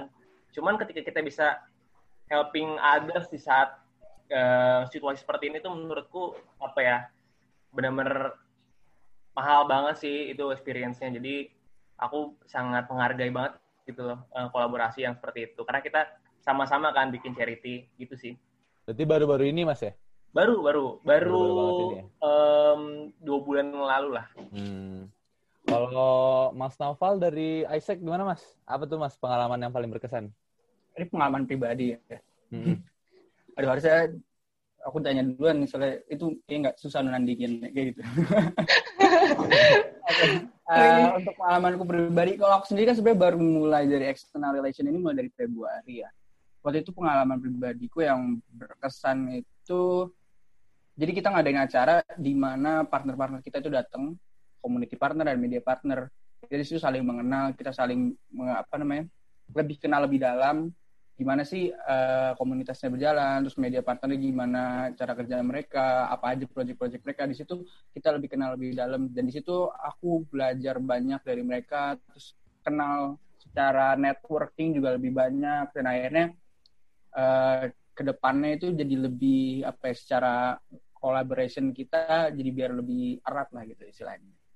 Hmm, Oke, di- jadi pengalamannya tadi ya agak berbeda ya. Tadi kalau Mas Buang di sini yang pandemi, kalau yang Mas Novel lebih ke yang kerja samanya gitu ya, Mas. Ya. Oke deh, nah kalau pasti pengalaman negatif juga Oke deh Mas. Oke, oke kita ngambil ini aja Mas, positifnya dulu aja. Oke deh. Ambil positifnya dulu. Negatifnya kita keep, nanti kita perbaiki di kemudian ya, ya enggak? Benar banget sih itu, Mbak. Benar Oke. banget. Benar Oke banget. Oke, selain pengalaman pasti eh, dalam suatu kolaborasi pasti ada impact yang dirasakan ya, Mas. Nah, sebesar apa impact yang dirasakan komunitas sendiri dalam melakukan sebuah gerakan? Mungkin kita gantian dulu dari Mas Noval. Silahkan, Mas. Oh, oke. Eh, kalau untuk impact itu pasti besar banget sih. Soalnya tadi yang kayak kata Mas TB juga bilang, kita kan codependent gitu. Kita bergantung pada yang lain. Jadi kayak misalkan media partner, kita bergantung pada mereka untuk nge-exposure apa project yang kita punya. Biar orang-orang tuh makin tahu tentang project kita. Dan sementara pas penjalanan project itu sendiri, kita butuh community partner kita. Karena mereka di situ yang mengisi, entah jadi mentor kah, atau mengisi acaranya sebagai eh, ya apa lebih ke expert gitu. Oh. Jadi pengaruhnya besar banget sih. Hmm. Karena nggak mungkin kita bisa jalanin sendirian. Hmm, Oke deh. Kalau dari Mas TB, gimana Mas impact dibuang di sini? Ya betul sama sih. Eh, Hmm. tadi ya kayak yang aku bilang di awal kolaborasi itu partisipasi publik maksudnya. Jadi em, kalau kita pengen giving impact yang lebih besar, ya kita juga harus berkolaborasi sebesar besarnya juga gitu. Karena apalagi isu-isu global saat ini ya kayak Isaac misal Hmm. dia eh, fokus ke SDGs itu kan global issues yang mana apa ya eh, size-nya juga besar banget kan. Nggak mungkin ini cuma satu orang, satu komunitas atau satu satu badan gitu ya nangan masa itu nggak mungkin kayak gitu bahkan satu negara pun juga nggak mungkin bisa gitu jadi pelibatan publik itu jadi faktor utama sih kalau kita pengen sama-sama giving impact kayak gitu sih Impact-nya emang ini ya cukup besar dan Emang harus sangat berpengaruh. Eh, pengaruhnya gede banget lah. Pengaruhnya deh. besar. Hmm. Tapi eh, saya mau nanya nih Mas, Eh, jadi kan dalam sebuah kolaborasi pasti kita juga kepikiran kan, nggak mungkin kita kepikiran positif positifnya doang tadi kan, kayak tadi disebutin Mbak Hafidah. Eh, kita pasti kepikiran nih negatif negatif apa yang bakal Hmm. kita dapat gitu di ke depannya alhasil dari kolaborasi ini. Eh, tapi dari Isaac ataupun buang di sini tuh ada nggak sih eh, tips and tricksnya gitu? Atau caranya supaya kita bisa menghindari gitu uh, masalah-masalah yang bakal kita terima di ke depannya. hmm. Dari Mas TBD Mas, sekarang Mas. Oke, oke. Eh, tadi kan apa eh, Mas Novel udah bilang ya kalau prinsipnya eh, lu happy gue happy. Nah ini sama kayak orang pacaran sih menurut gua. Intinya maintain expectation sih. Kalau lo tahu ekspektasi sebuah program dan lo jangan bikin terlalu tinggi dan juga bikin terlalu rendah, lo akan stabil di sana gitu. Ketika lo bisa maintain itu ya bakal bagus entah itu working environment lu. Cuman kalau lu kolaborasi cuman misal lo terlalu over yang nggak sesuai sama ekspektasi di lapangan yang ada kan rekan kolaborator kita juga bakal kecewa gitu. Atau lo terlalu expect yang terlalu rendah ke suatu hal yang ada lo jadi demotivated. Jadi menurut gua perlu maintain ekspektasi sih kalau kita pengen berkolaborasi. Jadi harus tahu dulu dan harus jelas di awal. Tapi kalau kolaborasi kan itu masalah perjanjian ya, akad ya dua pihak dan dengan harusnya kita bikin perjanjian itu selegit mungkin dan sedetail mungkin. Jangan sampai ada yang dirugikan di akhir. Itu kalau bisa ketika kita kolaborasi MOU itu benar-benar harus dibaca. Kadang banyak nih gue temu di um, teman-teman kolaborator mereka kerjasama tapi MOU sekedar formalitas aja. Ini tanda tangan gue kolaborasi udah. Nih gue kirim logo ya gitu. Padahal nggak tahu nih ada ada term-terms yang emang merugikan satu pihak atau term-terms yang emang lu nggak pernah baca padahal ini penting banget gitu yang harus uh, organisasi kita pahamin Nah itu sering tuh biasanya. Jadi ekspektasi harus di-maintain dulu dan di awal ditekankan sebelum kita tanda tangan kolaborasi harus uh, terbuka ya kan. Satu pihak ini pengennya apa dan itu harus detail jangan sampai ada kata-kata yang general aja tuh bisa juga dipermasalahkan kayak gitu.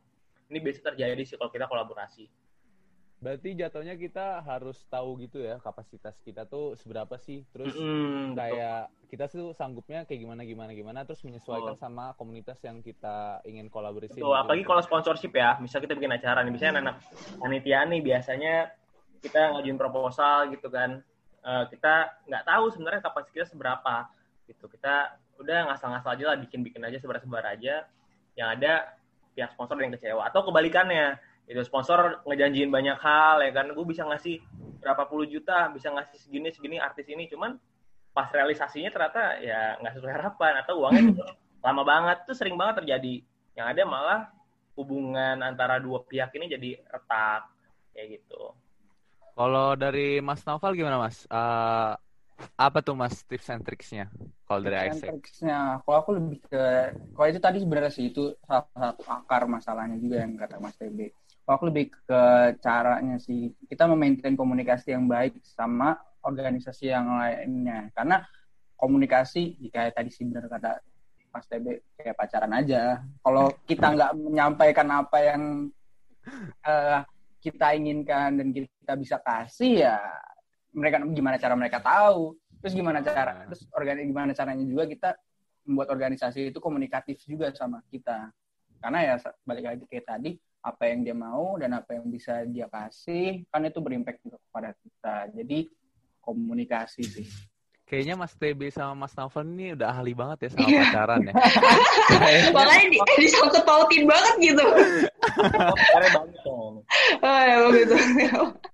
Oke, oke deh Mas. Tadi kan tips and trick ya. Mungkin kalau selain itu ada nggak sih strategi-strategi gitu sebelumnya yang bisa kita atur gitu kan? Tadi MOU juga bisa ya untuk mungkin ada strategi lainnya gitu selain MOU mungkin boleh dari Mas Noval dulu gimana Mas oh strategi sih ya mm. kalau menurutku uh, dari sebelum kita berkolaborasi dengan organisasi tersebut kita kan market research dulu ya kira-kira uh, apakah organisasi ini cocok dengan apa kayak apa compatible gitu dengan kita jika bekerja sama dan juga gimana ntar kelangsungannya jadi sebelum kita mulai kolaborasi, yang pastinya kita market research dulu, kita cari tahu gimana backgroundnya, apa aja proyek mereka lakukan, gimana cara mereka beroperasi. Jadi biar kita juga pas menjalani kolaborasi itu nyaman dan lancar. Oke deh, kalau dari Mas TB gimana Mas? Kalau strategi dari buang di sini mungkin? Ya betul sih, paling riset dulu ya. Ketika sudah riset, biasanya tuh SOP.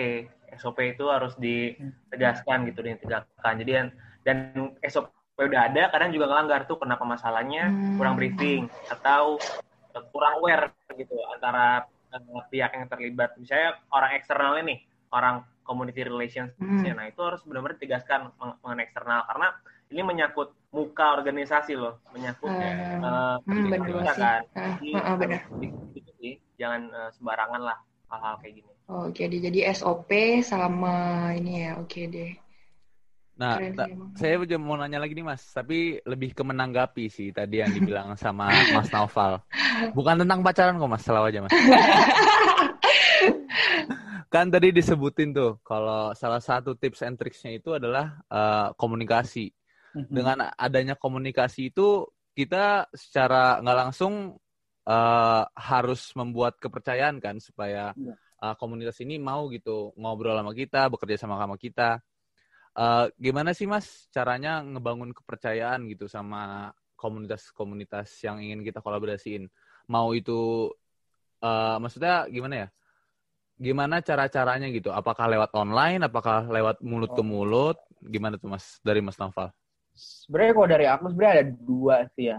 Jadi pertama uh, either kitanya sendiri itu personal sama uh, apa uh, perwakilan dari organisasinya tersebut atau emang kita ya secara organisasi uh, kita profesional aja compatible apa yang bisa uh, kalian kasih apa yang bisa kita kasih kita sama-sama benefit. Uh, dan itu punya apa ya keuntungan dan ininya masing-masing ya. Kalau kita kayak misalkan yang pertama kita misalnya udah deket dengan salah perwakilannya misalnya jadi best friend gitu lah ya. Best friend kita sebagai jembatan dari organisasinya ya komunikasinya lancar kan. Orang udah jadi temen gitu ya ngajak ngopi ke atau ngapain. Karena biasanya aku juga gitu kalau pas mau MOU kah atau setelah kita udah jalanin eh, apa namanya udah ngejalanin kolaborasinya kita ketemuan atau apa biasanya lebih gampang sih kalau emang sama mahasiswa ya. Itu emang lebih gampang. Kalau yang hmm. lebih tua ya punya cara tersendiri lah ya. okay, okay. ya kita harus bisa ada caranya. Dan yang kedua tadi yang masalah profesionalitas aja. Jadi ya kita sebagai komunitas bisa ngasih apa ke dia dan dia bisa ngasih apa ke kita. Sih. Jadi maintain secara personal atau dari profesional itu. Oke oke mas. Hmm. Kalau dari Mas TB dibuang di sini gimana mas? Apakah uh, sama-sama mirip-mirip sama di hmm. ISEC mas? Nah, itu uh, sama sih. Karena pada dasarnya profesionalitas ya, kalau kepercayaan. Tapi uh, balik lagi, kalau kita pengen bangun nih, membangun kepercayaan itu takes time pasti. Gak ada yang instan gitu. Dan yang paling bisa kita lakukan, ya udah kita persisten saja sama apa yang kita lakuin. Misalnya kita bergerak di komunitas A, ya udah lakuin tuh seprofesional mungkin bangun portofolio hmm. banyak banyaknya bangun personal branding uh, organizational branding sebagus bagusnya ketika memang kita udah ngebentuk itu dari bawah dari nol dan uh, dalam waktu setahun dua tahun pasti banyak juga organisasi nge-approach kita atau Medpar yang nge-approach kita duluan gitu karena kita udah kebentuk hmm. branding yang yang baik gitu di mata publik kan hmm. Jadi, oh, okay. balik lagi Uh, kuncinya di branding juga ya berarti Mas untuk menjaga namanya itu. Oke ya. deh. Tadi kan terkait kepercayaan ya Mas. Kalau misalnya nih kan kita kolaborasi, pasti kan ada pembagian peran dan tanggung jawabnya. Mungkin bisa disampaikan Mas gimana sih caranya biar pembagian peran dan tanggung jawab antar komunitasnya tuh nanti nggak miskom atau gimana? Boleh deh kalau gitu dari Mas TB dulu gimana nih Mas kalau dibuang di sini? Peran dan tanggung jawab uh, di internal kita atau gimana? Hmm. Uh, bisa di internal sama nantinya Mas kalau kerja sama sama komunitas lainnya gitu. Oke. Okay. Um, Kalau di internal mungkin pembagian tanggung jawabnya itu nyesuaiin per project biasanya kita ya. Mm-hmm. Nah, kita satu di satu um, apa departemen punya berapa berapa staff gitu dan kita nyesuaiin mm-hmm. dengan program kita. Ketika program kita ada lima ya udah lima orang itu kita sebar di lima kegiatan tersebut kayak gitu. Jadi kita mm-hmm. jadikan sebagai penanggung jawab sih kalau pembagian mm-hmm. peran dan tanggung jawabnya seperti itu. Mm-hmm. Terus kalau dengan kolaborator biasanya itu depends lagi sih nggak bisa di hmm. nggak hmm. bisa disamaratakan gitu itu kan hmm. masalah lobbying juga ya dan hmm. mengenai program juga beda-beda nih programnya nih itu yang penting oh, okay. tanggung jawab itu di handle sama kita berdua pasti nggak ada hmm. tanggung jawab pihak jadi sama-sama enakan Oh, Oke, okay. jadi kayak diobrolin dulu ya mas, ntar kondisionalnya gimana, baru ntar mungkin maju ke MOU-nya gitu ya mas? Ya, betul. Oh, Oke okay deh, kalau dari Aisyah gimana mas Noval? Pembagian tugasnya kita hmm. pembagian peran dari ya secara internal hmm. kita tuh ada per fungsional gitu ya kayak aku hmm. kan aku itu outreach jadi di sini aku nyari partner yang kompatibel hmm. kita media partner juga juga hmm. ada fungsional lain yang mengurus tentang sosial medianya kita, proyeknya hmm. kita, juga uh, untuk partner-partner dalam urusan birokrasi kayak misalkan rektorat gitu, ya. Dan untuk kalau hmm. tanggung jawab dan peran untuk sama antar kolaborasi antar komunitas kita menyesuaikan dengan project yang kita punya sih jadi hmm. uh, apa yang bisa kita bantu untuk bikin mereka uh, sejalan dengan project mereka dan mereka mengisi project kita Gitu. Hmm. Oke, di- jadi emang rata-rata kondisional lagi ya mas partnernya ini siapa gitu, jadi menyesuaikan. Bisa Tuh. emang ha, biar nggak ada salah paham lah ya nanti ketika udah ini. Iya, kan masa partneran sama ini taunya proyeknya nggak ada kan ya. Hmm, ya. Hmm, Oke deh. Ngomong-ngomong kondisional tuh mas, Eh, saya mau nanya nih, kondisinya saat ini kan corona lagi banyak nih, Indonesia lagi dalam keadaan darurat. Hmm. Sedangkan eh, kita sebagai mahasiswa tuh nggak boleh gitu berhenti supaya eh, untuk lebih bersuara gitu dalam sebuah komunitas. Eh, terus eh, apa sih mas dampaknya eh, pandemi ini sama kolaborasi untuk sesama komunitas gitu? A- ada nggak dampaknya? Mau baik ke, mau buruk ke mas? Eh, bisa nggak disebutin dampak-dampaknya mas? Terus pertanyaan yang kedua nih mas ya. Bedanya tuh apa sih mas sebelum dan sesudah pandemi? Dari Mas Naufal boleh mas? Kalau untuk dampaknya ya sama corona ini banyak kan ya pasti negatif lah ya. Karena yang project yang kita lakukan kan ya kita datang secara langsung, kita berinteraksi secara langsung. Tapi sekarang karena terbatas semua itu kita nggak bisa ketemu secara langsung. Akhirnya yang kita lakukan selama corona ini paling kita maintain secara webinar. Kemarin-kemarin kita ngadain webinar, webinar terus untuk tetap men-engage kepada pemuda-pemuda meskipun tanpa adanya project secara langsung. Dampak baiknya ya, nggak ada sih. Kita pasti Oke. semuanya lebih pengen ketemu secara langsung. ya. Iya. Emang lebih seru sih kayaknya mas ya. Tapi ada sih mas dampaknya kita jadi kayak lebih melek ini loh teknologi gitu, jadi kayak oh ternyata Oh, gitu bisa ya. ya. Gitu. Oh ya, oke. Tetap ngambil positifnya ya. Ambil positifnya mas, negatifnya nanti dipelajarin lagi nanti. Iya boleh di diperbaikin. Diperbaikin. Jadi Nah, untuk kalau perbedaannya antara sebelum dan sesudah corona pasti beda banget. Karena yang harusnya kita jalanin itu sekarang harusnya di IC kita menjalanin project summer project kita sekarang. Jadi summer project kita itu harusnya udah berjalan, tapi karena kita juga ngikutin dari eh, SOP ISEC Indonesia, kita kan nggak bisa bergerak juga. Karena kita cuma istilahnya lokal partner. Jadi Hmm. kita ISEC di Universitas Brawijaya, kita harus ngikutin eh, apa yang ISEC Indonesia tetapin. Dan itu kita nggak bisa ngejalanin project sampai entar baru Januari atau Februari. Itu juga kondisional tergantung coronanya gimana.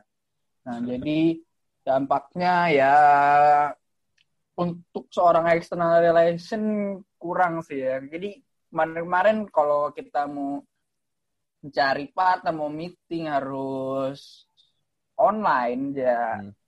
jadinya kurang aja gitu. Gimana ya? kurang kurang gitu aja, ya mas. nggak nggak ada feelingnya gitu ya. Kan Kayak kalau kurang kena. Iya bisa bisa kita bisa. Iya. Iya, iya. Oke deh. Kenal. Iya. Kalau dari Mas TB dibuang di sini gimana mas? Eh, dampak ya? Iya mas, Dampak. dampak. Oke. Mungkin eh, kita semua di sini kayaknya tahu deh dampaknya kayak gimana kan. Ya, tahu. Nah, David sama Hafida juga ngerasain pasti. Hmm. Iya Cuman mas. kalau di sini aku mau share yang positifnya aja kali ya. Oh boleh mas. Ini udah nih. Boleh. Sebenarnya banyak juga sih aku ngeliat dampak positifnya. Kalau eh, dari kita pribadi sih ngelihat karena ini online semua ya, kita jadi lebih gampang buat kolaborasi sih malah. Gitu. Hmm. Karena kita bisa interkonektivitas dengan cepat gitu kan lewat platform kayak gini nih. Kita langsung meeting bareng sama Isaac, ada eh, Malang Future Green Generation juga kan kita rame-rame. Itu lebih mudah kan kita buat bikin online meeting, Hmm. Terus kolaborasi nih kayak kemarin kita bikin campaign em, target audiens kita dari Sabang sampai Merauke dan itu bisa kita lakuin hanya dengan online hanya dengan platform Instagram Zoom meeting kayak gitu Hmm. nah itu menurutku sebuah apa ya sebuah kelebihan juga gitu. Jadi kita ada platform nih satu biji dan semua orang pasti pakai platform itu ya kan sosial media misal.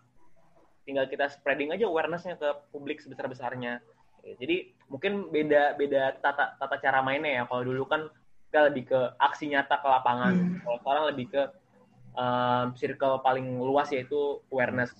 Kayak gitu. Jadi kalau awareness udah harapannya ketika pandemi selesai narasi-narasi sosial narasi-narasi eh, problem solver itu bisa lebih digalangkan dari aksinya kayak gitu karena kan awarenessnya udah nih tinggal ke lapangannya ke depan kayak gitu sih Oh, keren ya. juga ya. Tetap bisa. yang biasa kita ngelakuin kan meeting ketemu secara langsung Iya. Kan kayak atas dasar kesopanan lah istilahnya Ha, ha, ha. Profesionalitas juga, ha. profesionalitasnya juga ha, untuk ketemu kalau langsung. sekarang ya mau nggak mau kita harus mengabaikan semua itu dan ya Ha, meeting lewat Iya. online. ha. platform online tapi Iya, juga lebih murah sih. Iya bener mas, budgetnya juga langsung turun ya sih mas. ada Tapi tapi kalau kalau lewat sini nggak bisa ketemu pasangan hati mas. Kayak gitu. Kurang dapat chemistry-nya gitu ya men. Tapi keren sih, kayak kayak yang Mas TB ceritakan bisa dari Sabang sampai Merauke, maksudnya reach out-nya juga bisa lebih jauh gitu karena pakai platform online kayak gitu. Kan mungkin kalau Iya. offline-nya Iya. mungkin sekitar Jawa Timur atau gimana itu sih, tapi keren sih Mas eh, dari Mas Novel dan Mas TB tetap berusaha untuk produktif lah ya di Iya. tengah-tengah kita pandemi yang kayak aduh udah kayak Hektik. keterbatasan kondisi gitu kan. Iya benar. Ya, mungkin nggak kerasa ya. Ini Mungkin terakhir Mas bisa disampaikan pesan-pesan untuk komunitas-komunitas luar sana yang ingin berkolaborasi di masa pandemi ini. Boleh deh dari Mas TB dulu. Eh, sorry, sorry tadi Hafida gimana? Oh iya, ini Mas bisa disampaikan pesan-pesan buat komunitas di luar sana yang mau tetap berkolaborasi di masa pandemi. Oke. Ya, pesan-pesan. Kalau pesan, eh, mungkin ini pesan juga buat aku juga pribadi ya. Karena nggak kompak sih kan, dampak negatif banyak banget. Cuman eh, cobalah kita bisa apa ya melihat perspek- dari perspektif yang baiknya aja dulu deh. Itu karena kita kan di sini sebagai komunitas itu kan kita sosial apa ya kerja sosial gitu yang yang emang tujuannya buat hal positif kan. Ya kalau bisa jangan sampai kita jadi kebawa aura negatifnya dalam berorganisasi dalam memberikan dampak gitu. Tetaplah kita spreading awareness yang bisa kita, walaupun kita nggak bisa gerak ke lapangan, aksi nyata, maupun banyak sekali program-program kita yang ke switch gitu. Ya udah kita lakuin sebisa kita. Misal dengan online meetings, dengan online platform gitu ya. Minimal sebarin awareness dulu dari hal paling dasar, dari yang mungkin dulu target audiensnya cuman sekitar mahasiswa, sekarang bisa kita reach out lagi kalangan rumah tangga, ibu-ibu ya kan, atau anak-anak SMP, SMA gitu. Jadi em, sebenarnya mediumnya ini jadi lebih luas gitu. Sebenarnya ya, walaupun nggak ada feeling eh, touch yang benar-benar nyata itu nggak- belum dapat gitu. Seenggaknya kita bisa lah spreading awareness dulu. Kan ada tahapannya kan kalau kita di dunia sosial ya. Dari tidak tahu menjadi tahu. Ketika sudah tahu menjadi mampu. Ketika mampu menjadi aksi gitu. Nah, kita dari yang paling dasar dulu nih. Orang dari yang nggak tahu jadi tahu dulu gitu.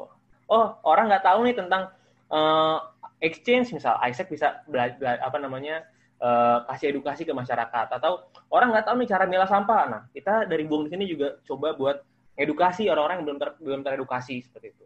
Hal-hal dasar tapi meaningful sih menurutku kayak gitu. Oke deh, kalau dari Mas Noval gimana nih Mas pesan-pesannya mungkin silahkan. Pesan-pesannya untuk komunitas-komunitas tetap ngejalanin apa yang apa namanya apa yang komunitas mereka eh, junjung tinggi gitu tujuan mereka. Karena emang ya tadi meskipun kita nggak bisa project secara langsung tadi kata Mas TB kita bisa spread awareness entah dalam bentuk webinar atau dengan bentuk hal yang lain melalui platform online. Karena eh, istilahnya sekarang kan orang pada gabut lah Iya, di rumah aja gitu kan. Benar. Gabut. kita bisa memanfaatkan kegabutan mereka sebagai eh, aksi spread awareness itu. Jadi ya karena mereka gabut kan, aduh ngapain nih nggak tahu. Oh ya udah mending kita ikut webinar, kita ikut eh, sosial aksi sosial apa sosialisasi mengenai buang sampah atau sosialisasi mengenai proyek-proyek yang lain. Jadi eh, awareness mereka bertambah gitu. Jadi memanfaatkan kegabutan. Oke deh, jadi tetap ini ya produktif gitu, biarpun gabut. Oke deh. Mm-mm. Oke deh Mas, ternyata nggak kerasa ya kita udah ngobrol selama 30 menit. Eh, kalau Lebih gitu, mbak, lebih. Oh 30 menit lebih ya? Oke deh, kalau gitu aku tutup. Eh, semoga apa yang udah kita obrolin tadi di perbincangan ini bisa bermanfaat buat para pendengar di luar sana.